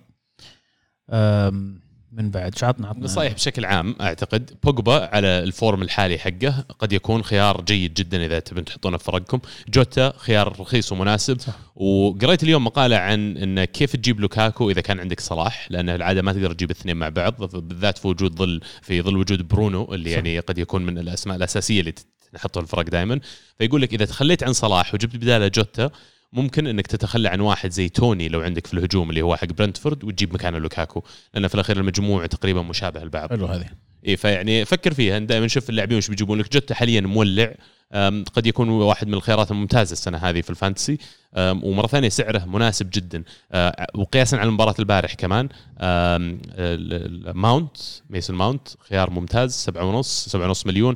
وبعدين أنا خيار الشخص اللي أحبه أه، سجق أه، لاعب 6 مليون في الوسط ممتاز جدا. رافينها ممتاز بعد. رافينيا ستة ونص آه يعني الأول مباراتين ما سوى مرة كويس الظاهر الثانية سوى. إيه. الثاني جاب جاب هدف. الظاهر و assist أتوقع. جاب هدف دفاع طيب متى يحين الوقت للتح... للتخلي عن سيميكاس؟ إيه، هذا الص- هذا السؤال الصعب. لكن آم، لازم الواحد يتابع أخبار آه، ليفربول. آه، كلوب من المدربين اللي يعني صريح يعني مو زي جوارديولا اللي يلخمك ب- واللي ما يعلم وش بيصير كلوب بيقول لك انه مثلا والله روبرتسون جاهز لكن بيكون على الدكة. فالمباراة اللي يكون فيها روبرتسون على الدكة وينزل آخر 20 دقيقة آخر ربع ساعة هذه بتكون آخر مباراة لتسيميكاس أتوقع لأن المباراة الجاية بيكون بعدها روبرتسون. آه، في لاعب أنا متفائل فيه وتوني توني جبته صراحة في الجولة الثانية اللي هو بن رحمة. أتوقع إنه بينفجر الولد هذا لأنه كان أفضل لاعب يمكن مع ويست هام في المباراة الودية قبل بداية الموسم. وكان جيد في المباراة الأولى وأتوقع إنه آه، راح يقدم بداية موسم جيده على الأقل. جابوه من ال Championship هم؟ اي من برنتفورد. اي الموسم اللي راح. اي وكان واحد من أفضل اللاعبين في في ال Champion ال Championship الموسم الماضي ما كان يعني تجربته كانت كويسة ما كان يعني الظاهر في الشتوية هو يمكن أتوقع. كأنه والله ناسي كأنه في الصيف. لا جابوا لكن بشكل عام ما كان كويس السنة الماضية. السنة هذه لأن المباراة الودية اللي قبل بداية الموسم لاعب أساسي. لاعب أساسي وكان يقدم مبار- مباريات ممتازة. ف قد تكون المباريات اللي في البداية الآن استكمال للوديات أشوف. آه، على الطاري في عزوف عن لاعبين مانشستر سيتي. العالم خايفة من جوارديولا؟ إيه، جوارديولا جوارديولا الروليت المجنون ذا يا عمي ما يلعب أحد أساسي. لو عنده بعد واحد غير بدال ادرسن أتوقع لعبه. صح صح. مجنون يا عمي ذا ما ينوخذ منه أحد. لاعب واحد ينوخذ منه الصراحة دياس لأن دياس شبه مضمون إنه يلعب تقريبا كل المباريات. صح صح. وإدرسون طبعا كحارس إدرسون. مرمى. وغير كذا كان دي بروين بس دي بروين آخر سنة تقريبا وضعه مع ال fitness والإصابات. مو مش ولا بد. وما بالنسبة لي ما أعتقد إنه يسوى المبلغ اللي مسجلينه فيه ال Fantasy. صح صح. آه قفلنا على ال Premier League. فعلا نروح لجنة. كرة القدم يا عزيز الله عليك الله عليك. الدوري الإيطالي جولة الكروت الحمراء راح أقول. أبدأ أول شيء بروما و starring مورينيو اللي فازوا 3-1 على فيورنتينا.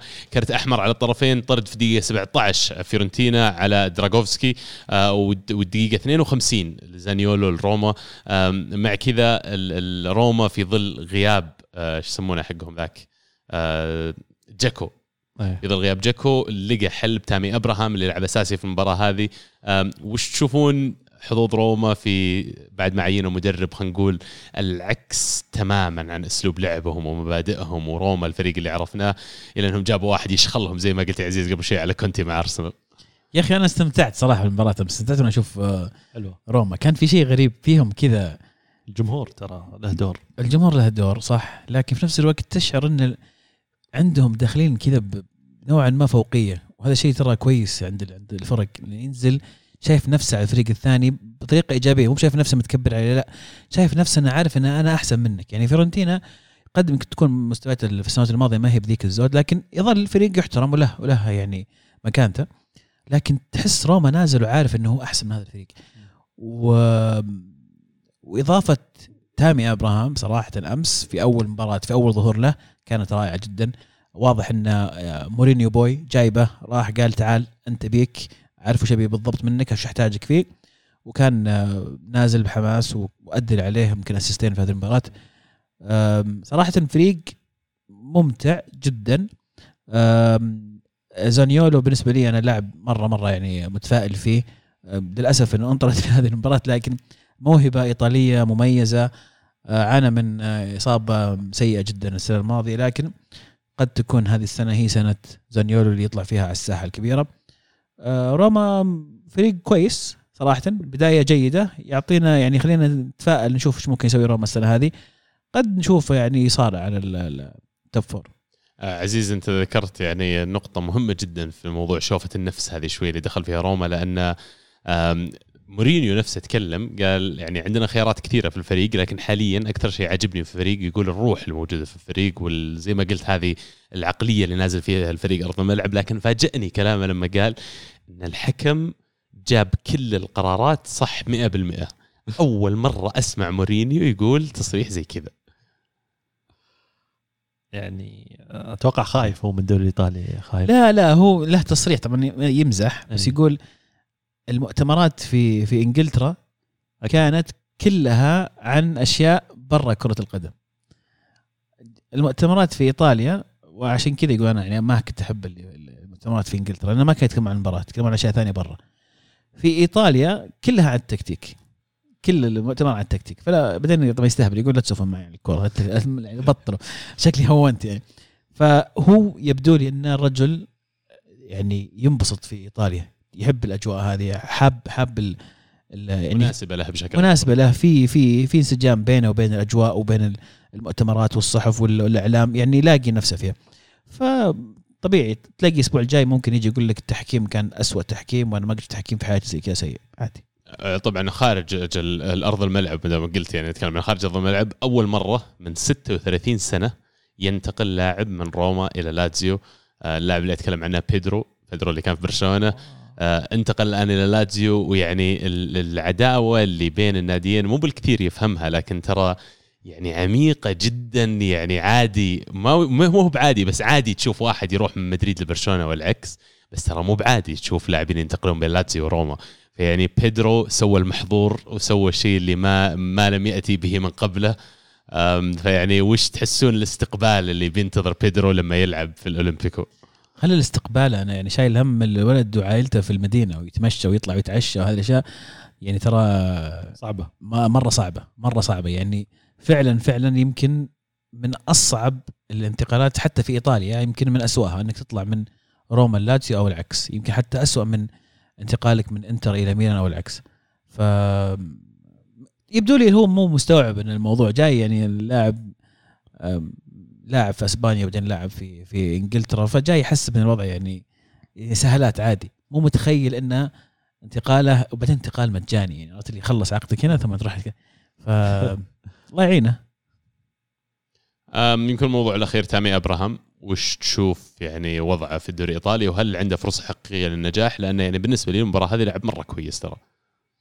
والأدوار اللي جايبها يمكن زي ما قلت قبل شوي إن اختيار اختيار مورينيو واضح يعرف وش يبي بالضبط في اللاعب هذا عارف إن جاكو طالع أو سواء هو قرر الاستغناء عنه أو الإدارة قررت إنها إنها تستغني عنه. آه، راح عرف من يجيب بالضبط يعرف اللاعب أتوقع إنه دربه يمكن فترته أيام أيام آه، تشيلسي. فكان يعرف بالضبط وش يحتاج من هذا اللاعب. واللاعب جاي متحمس. متحمس ليش؟ لأنه يدري إن هذا المدرب راح اختار إني أنا من بد المهاجمين. وقال أنت تعال أحتاجك بالضبط في فريقي.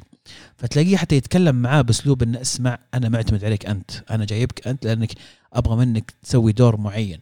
فتشوفه في أول مباراة له تحس إنه نوعا ما كان فيه نزعة القائد في في الملعب في ال- بالذات في خط الهجوم.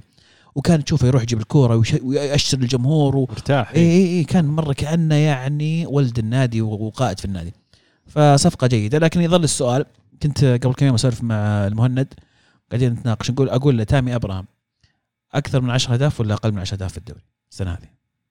تسالنا إيه. أنا أتوقع أكثر بكثير لأن بالنسبة لي تامي أبراهام في المباراة هذه بس وراني إنه من نوعية اللاعبين اللي يسوى إنك تصرف عليها فلوس.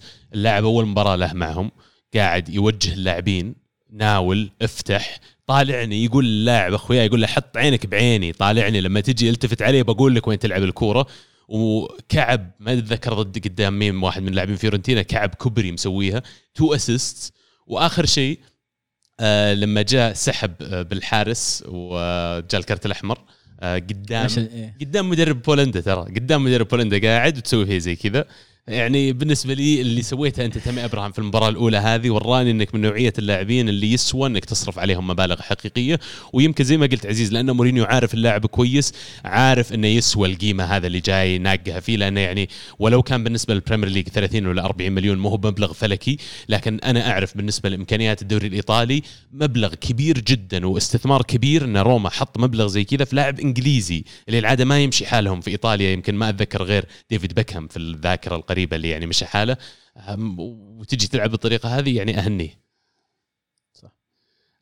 ننتقل من مباراة آه، روما يمكن المباراة اللي بعدها في الدوري الإيطالي.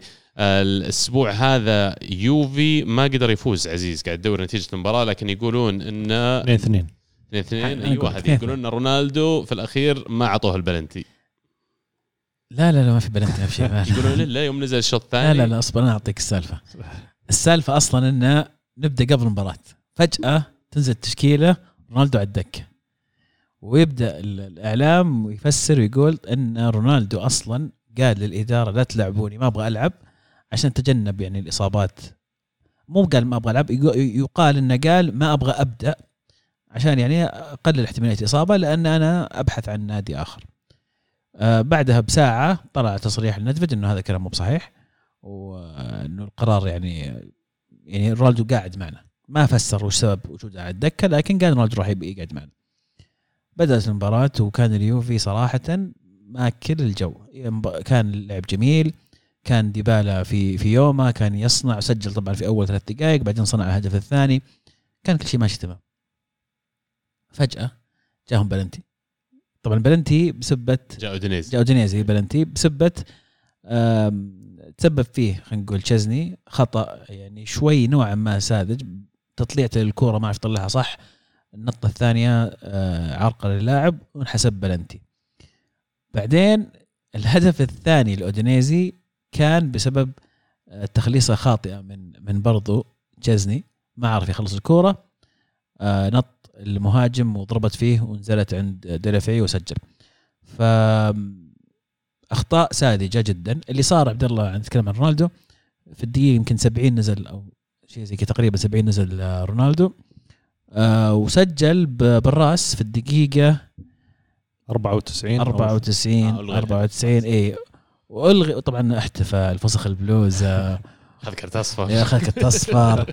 قعدنا طبعا طولت ال- ال- ال- الملاحظ في المباريات آه، إيطاليا إنه يطولون مرة عشان يأخذون قرار في الفار. في المباراة هاي تحديدا توقفت المباراة بشكل يعني قاتل. وطوت أيضا في القرار هذا وفي الأخير انحسب تسلل على رونالدو. شخصيا ما أرى أنه تسلل ودي أتمنى يمكن هذه أول مرة في التاريخ بقولها ودي أن الدوري الإيطالي يتبع آه، حذو الدوري الإنجليزي في التحكيم وانه يطبقون طيب طيب والله يطبقون موضوع أن الفار يكون خط الفار يكون 5 سم أو اللي هو عشان ما يس... نبعد ال- الخلافات هذه وتصير من صالح المهاجم في في اللحظات هذه. مو معقول ان تقول لي على قولة آه، أحد ال- الإعلاميين الإيطاليين إنه باط رونالدو هو اللي متسلل. عشان كذا بحسبها على طاري اللي ما يعرف الموضوع هذا اللي يتكلم عنه عزيز ال Premier League السنة هذه قرروا ان يعني يعني غير واقعي وغير منطقي إن نرجع نسوي الخط مقداره بيكسل واحد ونجي زي ما قلت نجي نشوف اصبع رجله متقدم ولا لا. فعرضوا الخط هذا يقولون إلى 5 سنتيمتر وراح يعتبرون أي شيء في ضمن ال 5 سنتي هذه في صالح المهاجم ولا تعتبر offside فزي ما قلت عزيز فعلا مو منطقي لما أجي أقول بيكسل. واصلا ال- التقنية اليوم ما تدعم اللي موجودة في الملاعب ما تدعم وجود frame ات كفاية. بالنسبة اللي يعرفون تصوير frame ات كفاية إنك فعلا تحكم على كل لقطة ب خلينا نقول بدقة مطلقة ومتناهية. اللي يصير إنك أنت راسم لي خط بيكسل لكن ال frame ات اللي عندك frame والكورة في رجل اللاعب وال frame اللي بعد الكورة طلعت من رجل اللاعب يمكن متر. يعني كرة القدم من الرياضات السريعة جدا. أشبهها يمكن في موضوع لو تعرفون ال NASCAR ولا سباقات السيارات. في خط النهاية ترى عندهم كاميرا تلقط لها مدري كم 10 مليون frame في الثانية عشان يشوفون من اللي فاز. المفروض كل ال- الكاميرات في أرض الملعب تكون بالطريقة هذه إذا أنت تبغى تسويها على بيكسل. صحيح. هارد لك والله يا عزيز. يعني حتى أليجري آه، منفس يقولون تقعدون تقولون لي رونالدو بيطلع ما بيطلع بس عشان باقي له 11 شهر على عقده وأنتم تجيبون الكلام من عندكم. أنا أول مرة أسمع منكم انه عن انه بينتقل ورونالدو ما قد قال الكلام هذا. فأنت عزيز بينك وبين نفسك هل مؤمن انه بنهاية هذا الموسم رونالدو راح يكون لسه لاعب يوفي؟ أو راح يكمل هذا الموسم مع يوفي. شوف أنا مؤمن خل قبل أنا مؤمن 100% إن رونالدو يبغى يطلع واليوفي يبغى يبغى رونالدو يطلع. هذا شيء أنا مؤمن فيه ما عندي شك. أغلب الكلام اللي طلع واضح جدا إنه رونالدو يبغى يمشي خلاص. واليوفي ما يبغى واليوفي. Yep ما خلاص يقول الله يسهل لك أمش بس نبي أحد يشتريك. في يقولون يونايتد و PSG اللي صار إنه ما في ولا عرض رسمي جاء. هذا اللي صار. اللي فعليا فعليا في أندية قد تكون جاهزة لكن ما جاء عرض. هل مستعد تبيع ببلاش بس عشان تتخلى عن راتبه؟ ما أتوقع أم- للأمانة ما لا أعتقد إن قيمة انتقال رونالدو هي المشكلة. أنا متأكد إن المشكلة الراتب فقط. ولا لو في نادي فعلا مستعد يتحمل راتب رونالدو آه، بيقعدون على طالب يحلون المشكلة. خذها خلاص يا عمي فكني. أنا كم بخسر فيه 25 مليون؟ خذها 25 مليون. أنا شاريه ب 100 مليون لها أربع سنوات آخر سنة باقي آه، 25 مليون خلاص. بسيطة مو يعني مختلفين. إيه خذها ب 35 وقضينا. أطلع أنا كسبان 10 مليون. لكن أنا متأكد 100% إنه ما في فعلا نادي تقدم إنه يبغى ياخذ رونالدو بحكم أسباب كثيرة منها أهمها الراتب. راتب. فيبدو لي ما أتوقع إنه في شيء بيتغير خلال سبع أيام هذه ما أتوقع إنه فجأة مانشستر يونايتد ولا السيتي ولا PSG ولا حتى مدريد إنه فجأة بيطلعون ويقررون إنه خلينا ناخذ رونالدو. فراح يكمل. وش بيصير أثناء الموسم؟ الله أعلم. هل اليوفي مستعد إنه يكمل مع رونالدو لنهاية الموسم عشان يطلع ببلاش أو إنه بيقول لا جدد سنتين عشان أبيعك في الصيف نتفق وأنا أكسب مبلغ مالي. الله أعلم إيش ممكن يصير من هنا. الصيف عمره 36 عزيز الصيف الجاي بيصير عمره 37 فعليا واقعيا أنا أعتقد اللاعبين من يعدي عمره 35 34 المبالغ اللي تجيك مقابل التعاقد ما عاد يعني ما عاد تفكر انت. أنت ما تتعاقد مع مع لاعب كرة. قاعد تع- تتعاقد مع رونالدو. Brand. بكل اللي يجيب لك إياه من من هالة و brand زي ما قلت. فما أقول لك إنه بيجيب 100 مليون طبعا لكن قد يكون له له قيمته. آه، قد يكون التوجه الأقرب والأكبر إنه خل خلاص يخلص عقده وينتقل بشكل مجاني. في فكرة إنه مبابي يطلع من PSG أو كريستيانو يروح يأخذ مكانه. لك يأخذ لك نجوم العالم. فكرة فكرة وش يسويها هو أخ- رونالدو وميسي و... الخليفي يقولون عنده حلم من زمان يقول لك حتى من الناس القريبين منه آه، إنه يجمع بين ميسي ورونالدو فريق واحد. ف... وبوجبا وراهم. لا، هي هذا السنة يلعب. يلعب فيفا كثير شكله شكله والله. إيه، شكله يلعب PSG عندهم آه، يصير ميسي ورونالدو مدريد عندهم هالاند ومبابي. ونيمار نسيت؟ لا مبابي نيمار خلاص cancel. وش كان ما عاد لا ما أنا يهمني يعني اثنين واثنين عرفت كذا؟ خلاص. ما عاد في ثلاثيات ها؟ اي لا لا. إلا عاد لو مدريد بيجيبون واحد ثالث من في؟ ما في إلا بوجبا. بنزيما. البنز. طيب على طاري الدوري الإيطالي بعد يمكن المباراة الأخيرة اللي بنتطرق لها اليوم في الدوري الإيطالي إنتر يستهل مشوار الدفاع عن اللقب بفوز عريض 4-0 على جنوا. آه، سجل فيه إيدين جيكو آه، في ال debut حقه أو في أول مباراة يلعبها يسجل جول. آه، وكمان شهدت مباراة لعب تشالانوغلو اللي سجل جول وظاهر سوى. assist ولا assist ين assist assist اللي سواه السكرينيار صح؟ اي ال- الركنية. إيه، فيعني إنتر ب look جديد. الشباب يقولون قسونا على إنتر في الحلقة الماضية وتوقعاتنا للانتر بالنسبة للموسم هذا. لكن يعني لما أجي أشوف تشكيلتهم على الورق اللي تغير إنه لوكاكو طلع حطيت مكانه جيكو آه، طلع من عندك حكيمي قاعد يلعب مكانه دارميان. يعني النوعية حقت اللاعبين هذولي بس تحديدا كفاية أنا بالنسبة لي إنها تسوي downgrade كبير للحظوظ الإنتر. لكن ما تدري مرات في ظل وجود خلينا نقول آه، ضغط قليل مو بضغط كبير لأنك ما عاد أنت مرشح بالتخلي عن هذول اللاعبين. ممكن تصير لك فرصة حقيقية يعني. شوف أنا أتفق معك إنه اللاعبين آه اللي اللي خرجوا أكيد لاعبين مؤثرين ويمكن من أفضل خلينا نقول آه ثلاث لاعبين كانوا موجودين في إنتر الموسم اللي راح. لكن شكل الفريق بشكل عام وعناصر مهمة لسه باقية. آه ثاني شيء يمكن الاستقطابات اللي سووها إنتر ميلان ما تأخروا فيها أو ما ترددوا فيها كلها كانت واضحة. حتى ترى حكيمي آه أوكي لعب دارميان أمس بس الإنتر تعاقد مع دومفريس. نزل شوط ثاني طبعا لاعب نزل, نزل إيه. لاعب PSV وأعتقد إنه من اللاعبين الممتازين في هذا المركز ومن اللاعبين القلائل اللي يجيدون إنهم يلعبون في مركز الجناح مع الظهير هذه الثلاثة آه، خمسة اثنين. آه، ما يعني يمكن دومفريس بيقدر يغطي شوي نوعا ما اللي آه، سواه حكيمي إلى حد ما لكن جيكو صعب إنه يسوي اللي سواه لوكاكو. لكن أنا أحب سيميوني سيموني إنزاجي. فعليا بداحم أفضل لاعبين على أرض الملعب كانوا إيه؟ اللاعبين الجدد تشالنوغلو وجيكو. إيه؟ أنا بالنسبة لي هذول كانوا أفضل لاعبين على أرض الملعب. فيعني قد تكون يعني خلينا نقول justification ولا شيء يبرر قرار التخلي عن اللاعبين اللي دخلوا لهم كم. يعني لوكاكو جايب لهم 100 مليون. 120 100 مليون pound صدق. إيه؟ وعندك حكيمي جايب 70 يعني مليون. إيه؟ يعني مبالغ كبيرة ومقابلها تشالنوغلو بكم جبته؟ مبلغ زهيد ظاهر ببلاش ماخذين إيه. عشان منتهي عقده وجيكو نفس الشيء. غير دومفريس بعد اللي يعني غير دومفريس شوف آه عبد الله كلام كلام جميل يمكن آه اللي ذكرته الاستقطابات اللي جت في في جيكو ما هي ما هي بمستوى لوكاكو ولا حتى دومفريز نقدر نقول إن بنفس مستوى حكيمي. يمكن آه في شيء ثاني نغفل نغفل عنه إن إصابة إريكسن اللي صارت في في في الصيف تم تعويضها هذا بتشالونوغلو باسلوب لاعب أكثر هجومي ومفيد. فعلا جاي في اللاعب يعني حل. حل حل, حل إضافي. أضاف شيء ما كان موجود. في خطة إنتر السنة الماضية. صح. نقطة ثانية مهمة جدا في في في, في الإنتر في بداية السنة هذه إن الخط الدفاعي نفسه, نفسه. ما تغير. وهو ثابت ومن أفضل مو عفوا مو من أفضل هو أفضل خط دفاع السنة الماضية. ومستقر مزيج بين الخبرة والشباب. وهو فعلا صمام الأمان للإنتر بشكل بشكل كبير. فيمكن قد يكون فعلا قسونا لكن إحنا نتكلم من القوة اللي كان فيها الإنتر السنة الماضية بوجود لوكاكو. وبإضافة لوكاكو سواء هو بنفسه أو الإضافة اللي يعطيها لوتارو وسان وأليكسيس سانشيز.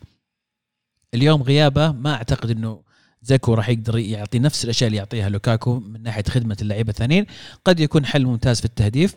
ولكن لا ننسى أيضا أنه آه، سيمون إنزاجي المدربين الممتازين اللي أتوقع أنه ما الجميل فيه أنه ما استعجل في تغيير الترتيب أو فرض أفكاره بشكل سريع لا قاعد ياخذ الموضوع بشكل تدريجي شوي شوي قاعد يحاول يعطي لمسات اللي هو يراها مناسبة واللي تخدم الأسماء اللي عنده. ف يمكن يمكن أنا أنا شخصيا أنا ما قسوت أنا قلت الإنتر بيكون من ال top four لكن, لكن في ناس شالوا إنتر من ال top four لا ترى لسه باقي باقي لهم لاعب يعني على الأقل حسب التصريحات الأخيرة إنهم يعني كوريا ممكن هو أقرب واحد صح. صح. آه، ينضم الانتر فيعني في في في عناصر ممتازة قادرة إنها تخلي الإنتر ينافس حتى مو بس top four ممكن ينافس على البطولة مقارنة بالفرق الثانية ترى. يمكن المباراة الأخيرة اللي يعني بتلعب بتلعب الليلة فما راح يمدينا نتكلم عنها لكن ميلان بيلعب قدام سامبدوريا. آه متوقع أن تونالي بيبدأ أساسي في المباراة بن ناصر يبدو لي غير جاهز. آه ميلان السنة هذه ما خسر لاعبين إلا غير تشالانوغلو يعني فعليا وعوض بتونالي لاعب مختلف شوي ويمكن يلعب بطريقة مختلفة لكن تشالانوغلو أنا بالنسبة لي في تشكيلة الميلان كانوا دائما الميلان يلعبون بطريقة غريبة شوي عشان يقدر يلعب تشالانوغلو في الخطة حقته لأن تشالانوغلو يلعب لاعب رقم مركز عشرة ومو على كل حال في جميع الخطط وجميع المدربين يفضلون وجود المركز هذا لأن في العادة معناته الفريق لازم يحمل مجهود الدفاعي بشكل كبير. فقد تكون رب ضرة نافعة للميلان في ظل وجود كسي اللي يعني أنا بالنسبة لي كان يمكن أفضل لاعب وسط في الدوري الايطالي السنة الماضية. الميلان كيف تشوفون فرصهم السنة هذه؟ يعني صراحة ميلان صعب. تنبؤ. اي صعب جدا. يعني أنا عندي تخوف على الهجوم. آه، أسماء كبيرة لكن ما أدري هل السنة هذه راح يستطيع آه، ايبرا يسجل فوق 20 هدف؟ هل جيرو راح يسجل فوق آه، 10 أهداف؟ يعني في في تساؤلات مهمة على الخط الأمامي ومن من وين راح يجيهم التعزيز والدعم وال- والصناعة؟ صح. في, في, ال- في ال- يعني كيسي لاعب ممتاز لكن اللي شفناه من بن ناصر وكيسي في في الفترة الماضية كان غياباتهم كثيرة مع الإصابات. وتونالي زي ما قلت يا عبد الله لاعب جديد لسه ما بعد يدخل في بشكل كامل في المنظومة لسه ما بعد ينضج بشكل كامل. فيمكن قد يكون في مشكلة في صناعة صناعة اللعب. سمعت اليوم إنه ممكن يكون في انتقال آخر لاعب إيطالي شاب آه، يلعب في موناكو. عمره 20 سنة بيليجي اي بيليجري. هو آه د- عرفته بيليجري بس إيه. مهاجم هذا اي striker مهاجم مهاجم أيضا هذا لكن قد يكون يعطي حلول إضافية على الأقل يعني كم نص عمر زلاتان. اللي يلعب Football Manager يا جماعة هذا السنة الماضية هذا أفضل مهاجم في اللعبة. لقطة. هو راح موناكو عمره 16 الظاهر اني غلطان أتذكر. حتى مبلغ يعني مبلغ بسيط. ديميترو بيليجري إذا ما كنت غلطان اسمه.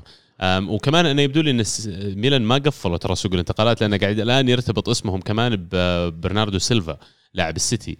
يقال إن برشلونة راح ينافس ميلان على ضمه لكن على الوضع الحالي وعلى الورق يبدو لي إن ميلان يقدرون إنهم يتعاقدون معه لكن برشلونة ما طلعوا من ضائقتهم وهم على كل حال يقدرون يسجلون لاعب. أحس يحتاجون لاعب من هذا النوع لاعب إيه. اللي عنده عنده الحلول عند الحلول لأنهم ترى على فكرة هم وقعوا مع إبراهيم دياز يعني على إيه. أساس إنه هو معوض هاكان وحتى أخذ الرقم 10 ولكن شخصيا أحس إنه اللاعبين مختلفين تماما. يعني كيسي وحتى كيسي وبن ناصر وحتى تونالي شوي بعيدين عن عن عن المهاجمين. يعني في مسافة يلعبون شوي على الدائره أكثر متأخرين بشكل أكبر. لكن اللاعب أو المركز اللي كان يشغله كان آه هذا راح راح يفتقدون آه ميلان بشكل كبير. لأن حتى إبراهيم دياز ما أعتقد إنه خلينا نقول المعوض الأساسي لهاكان ولا يعطيك الأشياء أو الأدوار اللي كان يقوم فيها هاكان آه غير غير برضو آم، آه اللاعب اللي أنت قلته تو إنه محتمل إنه يجي ميلان؟ بلغري ب- غير بليجري برضو فيها زياش.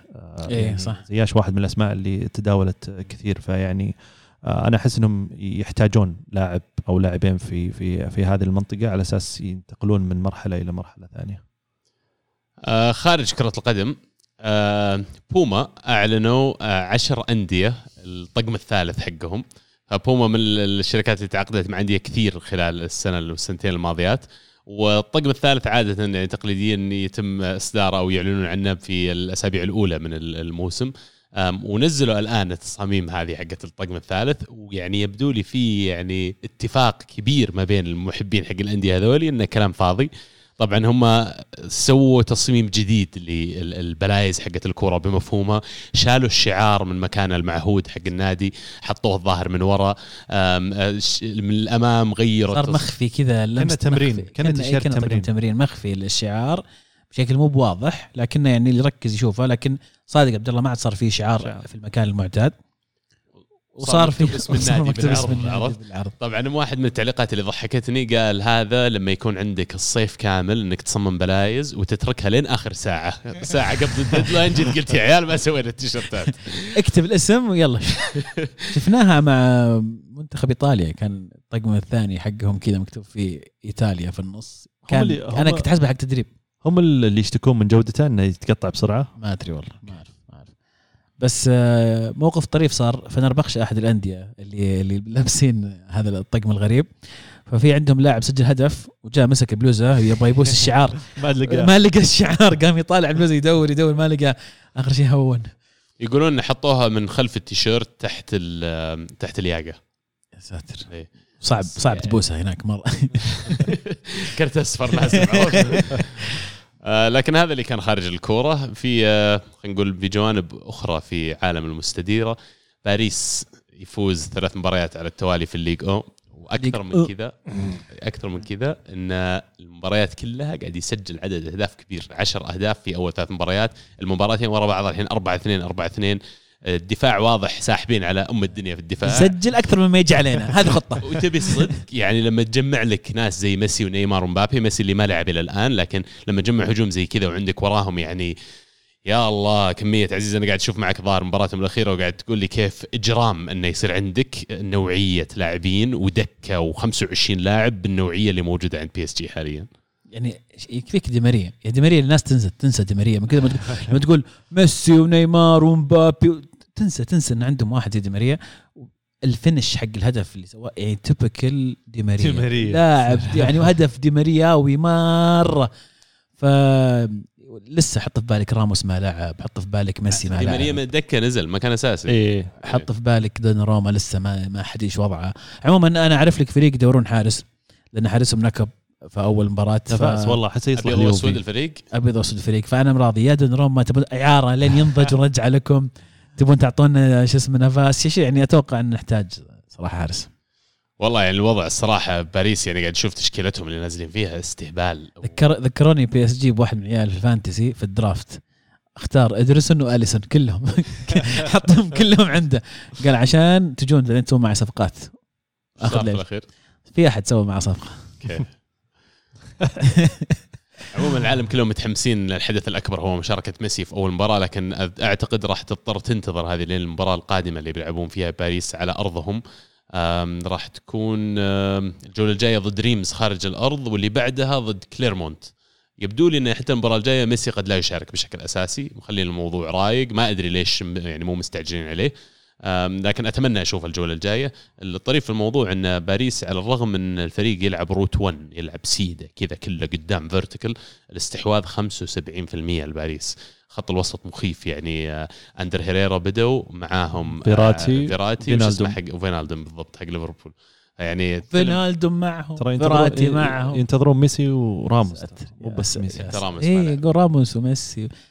أخي حكيمي يعني حكيمي حكيمي؟ الله يبارك فيكم ولسه القادم إن شاء الله أفضل انت. خلاص باريساوي. خلاص باريساوي معروف من الصغر. من الصغر يعني نعيد التشكيلة اللي قلتها. شفت اللي حط لك التشكيلة صدقيه ولا واحد صح آه، لا لا بدوري الأضواء صراحة السنة هذه راح يكون حماس رسميا دوري الأضواء خلاص. عقب الفيلم اللي صار أمس بعد يعني إي صح. والله فيلم. نتكلم عنه أتوقع في بطل وبصل ولا؟ صح. نتكلم عنه بعد شوي. طيب okay. أجل قبل ما نوصل لبطل وبصل بس نبي نطري نتائج مباراه مباريات الدوري الألماني. آه بايرن فاز 3-2 على كولن. ودورتموند خسر أمام فرايبورغ 2-1 آه اللي يبدو لي الفارق قاعد يصغر بين أندية الدوري الألماني لأن فولفسبورغ اللي قد كان قاب قوسين أو أدنى من الهبوط قبل كم الموسم. الآن بعد مباراتين يلقى نفسه متصدر الترتيب بالحالة بست نقاط والفرق الباقية كلها خسرت نقاط من ضمنها بايرن اللي تعادل في المباراة الأولى.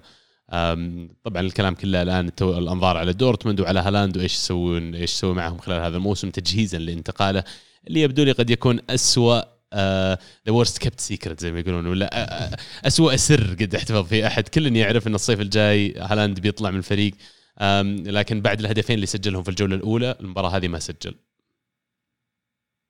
يعني يمكن تكلمنا بشكل بسيط الحلقة ال- ال- الماضية عن هل فعلا راح يكون في منافس لبايرن ميونخ السنة هذه ولا لا؟ وأيضا تكلمنا عن إنه كيف آه، بايرن ميونخ مع قدوم نايلزمان يمر في مرحلة انتقالية راح يعاني فيها كثير. هذه المباراة صح إنه فاز لكن عانى فيها كثير. يمكن أنقذ آه، شو اسمه لاعبكم عبد الله؟ جنابري. جنابري. دورتموند هو نفس دورتموند السنة الماضية اللي راح يبدع في مباراة وراح يخسر فجأة من كولن فيعني آه، للأسف ما أعتقد إنه راح يكون في منافس حقيقي رغم إن البايرن ما هو ما هو في مين؟ فرايبورغ مو أتوقع مين؟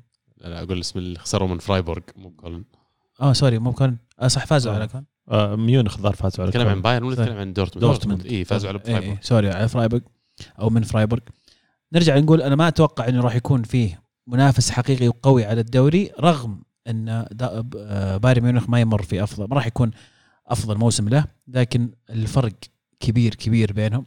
وأتوقع إنه يعني راح يستمر بايرن في في التصاعد بشكل تدريجي مع مع ناجلزمان. يعني التشكيلة اللي نزلوا فيها ترى دورتموند بزران بزران. جود بيلينغهام واحد من أفضل اللاعبين الانجليزي آه، طبعا هالاند آه، جايبين شو اسمه برضو دونيال مالن. واحد من عيال ارسنال وارجع موضوع يصيح الصراحه هذول كلهم اللي تكلمت عنهم قاعدين يلعبون في أكبر أندية أوروبا. هذول كلهم كانوا ممكن يصيرون home grown لكن شوف وين قاعدين يلعبون الحين. وظهر رينا. رينا هو نفسه إيه. مدريد صح؟ حق مدريد إيه. إيه، برازيلي. إعارة عندهم. إعارة. إيه، فهذا من اللاعبين اللي لعبوا أساسي. الهجوم كان سيء في المباراة هذه لكن إلى الآن دورتموند قاعد يلقى رجوله شوي شوي. أنا بالنسبة لي دورتموند ال potential عندهم عالي مرة. في اللحظة اللي يلقون فيه ال balance المناسب وكيف يقدر يلعب الفريق بتشكيلة تناسب إمكانيات اللاعبين اللي عنده راح يتفجر الفريق. آه، وهالاند يعني زي حالة بوجبا اللي تكلمنا عنه قبل شوي لما يصير عنده حرية شوي إنه عارف إيش بيصير الصيف الجاي يطمن كثير ويرتاح فيطلع بأفضل أداء. آم، فبالنسبة لي مو بخايف عليهم كثير. رينا مو بأمريكي. وشو؟ لا خيسوس. رينيير خيسوس. لا لا أتكلم عن رينا مو بأمريكي. في واحد أمريكي في واحد جيو برازيلي رينا. معار. اي جيو رينا. جي رينا الظاهر أمريكي. إيه هذا الأمريكي. اي لا في خ- آه برضو اثنين رينيير؟ خيسوس اي okay اللاعب الأمريكي أجل. وبس والله هذا اللي كان معنا اليوم آه، بالنسبة للدوريات نوصل لفقرة بطل وبصل اللي جاهز يرفع يده. جاهز يرفع بطل يده. وبصل. دحين رفعت أول تفضل. آه okay. طيب. آه ب- استحيت بصل. لا لا. عادي عادي. لا، زمان ما قلت بطل ما إيه. أسبوع أسبوعين. لا أسبوعين ما قالت طيب. بصل الأسبوع ببدأ بجمهور نيس آه اللي اللي صار أمس من أحداث في مباراة نيس ومارسيليا اللي ما شافها. آه كان نيس متقدم 1-0 والمباراة كانت مرة مشحونة آخر ربع ساعة وكانت في ركنية لمارسيليا. آه راح آه بايه ال- الجهة الركنية على أساس يلعب الركنية تفاجأ آه وهو معطي ظهره الجمهور جته قاروره قاعد في ظهره.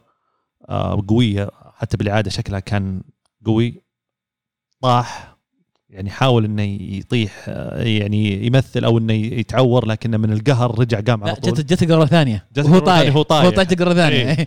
فقام من القهر ما تحمل مسك أقرب قارورة جنبه. هي اللي جته هي اللي جابها رماها على الجمهور. بعدين جو اللاعبين حاولوا يهدون الوضع. فجأة قام لقط قارورة ثانية رماها على الجمهور. آه الجمهور قاعد في أقل من يمكن 30 ثانية زين. كل الجمهور نزل الملعب. بدأ يصير يصير في طق يصير في بقوس بين اللاعبين وبين الجمهور. آه، الموضوع خرج عن السيطرة. يعني ما أدري وش تفسير هذا ال هذا ال هذا الموضوع ولا أعتقد إنه يمكن أنا ما أقدر ألوم بايه لانك انت صعب إنك تلوم شخص على ردة فعل. أوكي أنت لاعب كبير والمفروض إنك تتحكم في أعصابك ولكن دائما صعب إنك تلوم شخص على ردة الفعل. يعني. يعني معلش بهي يوم إنك رميت قاره المويه إنك بتجيبها في نفس اللي رماها عليك. لا أصلا حتى جايك جاي من فوق رماها تحت هو. إيه، يعني يعني. واحد، إيه،؟ يستاهل الصراحة. هو- لا أنا بالنسبة لي هو مسؤول ومحاسب على اللي صار في هذه الحالة لأن اللي سوى من الجمهور هذا تصرف فردي ويحاسب عليه لكن أنت لما سويت كذا أنت فرطت فرطت السبحة كلها يعني. إي هو هو تصرف خاطئ بكل تأكيد أكيد. لكن يعني صعب إني أحمله 100% لأن يا أخي ردة فعل أنت وقتها ما تتحكم بالشيء اللي أنت تحت فيه. خصوصا بايه أصلا لاعب ترى عليه شوي جدل و ولاعب مثير خلينا نقول للجدل نوعا ما. لكنه هو بكل تأكيد غلطان. لكن الشحن اللي كان عليه الجمهور الشحن اللي كانت فيه المباراة فعليا كانت غريبة آه، بالنسبة لي. وفعلا أثبت لي إن الجمهور الفرنسي جمهور مجنون. أنا قريت كثير لكن أثبت لي إنهم فعلا جمهور مجنون. المباراة توقفت يمكن أكثر من 45 دقيقة. وفي الأخير تركوا المباراة أصلا. تم إعادة جدولتها آه ما ما رجعوا. لا لا. آخر خبري إنه جدولتها وما بعد اعلنوا لها تاريخ جديد. طب الحين إيش بيصير؟ يعني ربع. الثنتين آه، يا إما بيعاقبونهم بيخصموا منهم خلاص. هو المفروض معزومين هو المفروض. إذا جمهور فريقك نزل الملعب أنت خسران. يعني مدري سمعت واحد أمس يتكلم يقول قد تكون هي أصلا خطة من لعبه مارسيليا تستفز الجمهور خلي ينزلون. بس هذا اللي قاعد أقول لك مع- المفروض أنا بالنسبة لي مارسي هم اللي بدوا هذا الفيلم كله. ما ترمي قارورة على الجمهور مهما لا صار. هو جتها قارورة. حتى لو جتها مو بنت تاخذ حقك بيدك زي كذا في حكم في آليات في إجراءات مو على كيفك تسوي كذا. فأنا بالنسبة لي صح. اثنين هم مسؤولين ولو أنا مسؤول اثنين هم خسرانين في المباراة هذه. بس يعني للأسف مارسي كان يبغى ينافس السنة هذه على الدوري لكن إذا أنت من البداية استفزيت بشيء زي كذا معلش وش بطلك طيب يا أبو داحم؟ آه بطلي تامي إبراهام. اللاعب المنتقل حديثا إلى يعني مك يعني غاش من ورقتي شكلك والله ما قريتها مكتوب ولا قدامك. أقسم بالله بغطي ما ورقتي قريتها والله بغطيها والله يخالف. ما شفتها ولا. قريتها لا خلاص عديد. عادي عادي عادي أصلا طيب. أصلا عادي آه طيب البطل آه لهذا الأسبوع خلاص،. خلاص، خلاص، قلها. طيب تامي أبراهام اللي آه فعليا. أنا شفت المباراة أمس فعلى أساس كذا هو اللي ركزت عليه بشكل كبير لأن الروح اللي كانت على اللاعب ظهرت عليه وال two assist والحماس والتوجيه اللي كان قاعد يقوم فيه الزملاء. كان لاعب قاعد يلعب في الفريق من زمان مو كان لاعب تو منضم حديث. آه فمتوقعين منه شيء إن شاء الله كبير. آه الهدف الأسبوع آه بهدف آه فينيسيوس جونيور الثاني. آه جمالية الهدف كانت بالاستخلاص الكورة في البداية من كارفخال. آه بعدين آه ال assist الجميل من وراء نص الملعب من كاسيميرو آه وال- والشيء الأجمل والمهم آه اللي هو استلام آه فينيسيوس الكورة وانطلاقته وإنهاء الكورة بالشكل السليم آه، كهدف. هذا الشيء بس على الشكل السريع إذا تسمحوا لي يتكلم فيه أنشيلوتي في بداية الموسم لما سألوه تحديدا عن فينيسيوس جونيور قالوا له كيف ممكن تشتغل مع فينيسيوس جونيور؟ كيف ممكن تطوره؟ قال آه، فينيسيوس جونيور يسوي كل شيء إلا التسجيل فأنا آه، الهدف الرئيسي ولا ال- ال- الجزء الجانب اللي بشتغل عليه هذا الموسم اللي هو آه، أحاول أطور كيف يكون قدام المرمى وكيف يسجل أهداف أكثر. يحتاج اللاعب الصبر قدام المرمى يحتاج ياخذ الكرة خطوة شوي قدام على أساس يقدر يكشف المرمى ويسجل. وهذا اللي سواه أمس في الهدف اللاعب كان صبور ما استعجل بأنه يسدد على الرغم إنه كان متضايق من لاعب. أخذ الكرة خطوة خطوتين. الثالثه دفها شوي قدامه ولعبها باليسار في الزاوية فكان هدف نموذجي. من من من لاعب آه، في أول مباراتين صراحة أثبت إنه آه، استحق الفرصة اللي أخذها. عزيز؟ جو هيد عبد الله لأن يدور بطل يدور بطل. بطل. طيب أنا بالنسبة لي ببدأ بالبصل. بصل أرسنال بلا منازع صفر نقاط من مباراتين يعني صفر أهداف صفر نقاط صفر مستوى صفر أداء صفر كل شيء صفر مكعب مكعب مكعب مع بعض يعني. يعني يمكن أكثر بصل أو أقوى بصل قد استاهل أي أحد في التاريخ الحياة كلها أصلا. بطل الأسبوع بالنسبة لي في أعتقد أكثر من بطل. لكن يعني بالمقام الأول راح أقول بوجبا اللي لأنه بعد جولتين في ال Premier League ما زال يبدو لي إنه هو المحرك الأساسي في يونايتد. ولو كان في واحد زي برونو فرنانديش اللي عليه الأنظار لكن فعليا في المباراة هذه لما يونايتد يحتاج أحد إنه يعني steps up بوجبا بالنسبة لي كان هو أكثر لاعب يعني قادر وقريب من إنه يصنع الفرق لليونايتد. أما عن هدف الأسبوع بغيت أزرف هدفك عزيز لكن آه، هدف آه، شو يسمونه هو تاليسكا. مهاجم ولاعب وسط أو مهاجم أرسنال فا أرسنال النصر. فضلك النصر بسم الله على النصر من أرسنال. آه، فاول في الزاوية التسعين يعني م- من الفيديوهات اللي كانت تجي أصلا عن اللاعب قبل ما يجي في قدرته على تنفيذ الكرات الثابتة. المباراة الأولى ما توفق لكن المباراة الثانية فاول كيف ما يجي جاء في التسعين ما في أي فرصة للحارس. عزيز عندك. بطل الأسبوع بالنسبة لي ريس جيمس هدف وأسيست. صراحة آه، يعني كانت مباراة جميلة ل- للاعب الشاب. يستاهل. شكرا يا عبد إيش رأيك في البطل؟ والله العظيم غطيت على تامي؟ ابراهام صح؟ أحسن صح؟ صح. شكرا. آه، بصل الأسبوع آه، بوزنياك تشيزني. ما يحتاج أشرح ليش يعني. لاعب ضيع أنا أشوف إنه ضيع ال- الفوز. اللاعب خلينا نتكلم بشكل سريع بس عن تشيزني. كان ممتاز كان من أفضل الحراس في الدوري الإيطالي. الموسم الماضي بدأ ها يرقل. السنة هذه بدايته كارثية. فأتمنى إنه يرجع لوضع الطبيعي لأنه ما أتوقع في وقت إنه يكون في مهاجم بديل. إذا ما رجع مستوياته آه، يمكن حان الوقت إنه يعطون فرصة لبيرن يكون هو الحارس الأساسي. هدف الأسبوع شكرا ما حد يعني اختاره يا عيال. هدف داني إنجز هدف مقصية هوائية رائعة جدا. آه، اللاعب صراحة تعودنا عليه مستوى جميل السنة الماضية مع ساوثهامبتون. إن شاء الله السنة هذه بادي بعنف وقاعد يجيب لي نقاط في ال fantasy. يجي. كم سعره؟ ثمانية؟ ثمانية؟ ثمانية؟ اي ثمانية. ثمانية. أتوقع بعد الجوله هذه بيصير 8.1 اللي ما شراه يشتريه الآن لأنه بيرتفع سعره. عموما هذه المواضيع اللي كانت معنا اليوم نتمنى تكونوا استمتعتوا معنا بالحلقة ونذكركم تابعونا على جميع حساباتنا على التواصل الاجتماعي موجودين على تويتر ساوند كلاود اي تيونز يوتيوب آه كلها بنفس الاسم الكورة معنا one word آه ونذكركم كل يوم ثلوث حلقة جديدة بإذن الله على البودكاست. وإن شاء الله موعدينكم بأشياء كثير السنة هذه وتكون مختلفة لكن شغالين تحملونا شوي اللي ما رجعنا للفيديو لأننا شغالين على الاستوديو آه بس يرجع الاستوديو إن شاء الله ويكون جاهز إننا نقدر نسجل فيه صوت وصورة. راح نسوي كل شيء نقدر عليه إن جودة الصوت تبقى زي ما هي الحين. وفي نفس الوقت يصير موجود بالنسبة لكم الفيديو من فوقها لكن يبغى لها شوية وقت تحملونا شويتين. آه ألف شكر لكم على حسن الاستماع ونذكركم تابعونا وشاركوا معنا بآرائكم آه، اقتراحاتكم حتى لو عندكم أسئلة موجودة كلها في thread عندنا في تويتر اللي ما شافها يروح يشوفها. وبس subscribe like كانت الكرة معنا والحين الكرة معكم. فمان الله.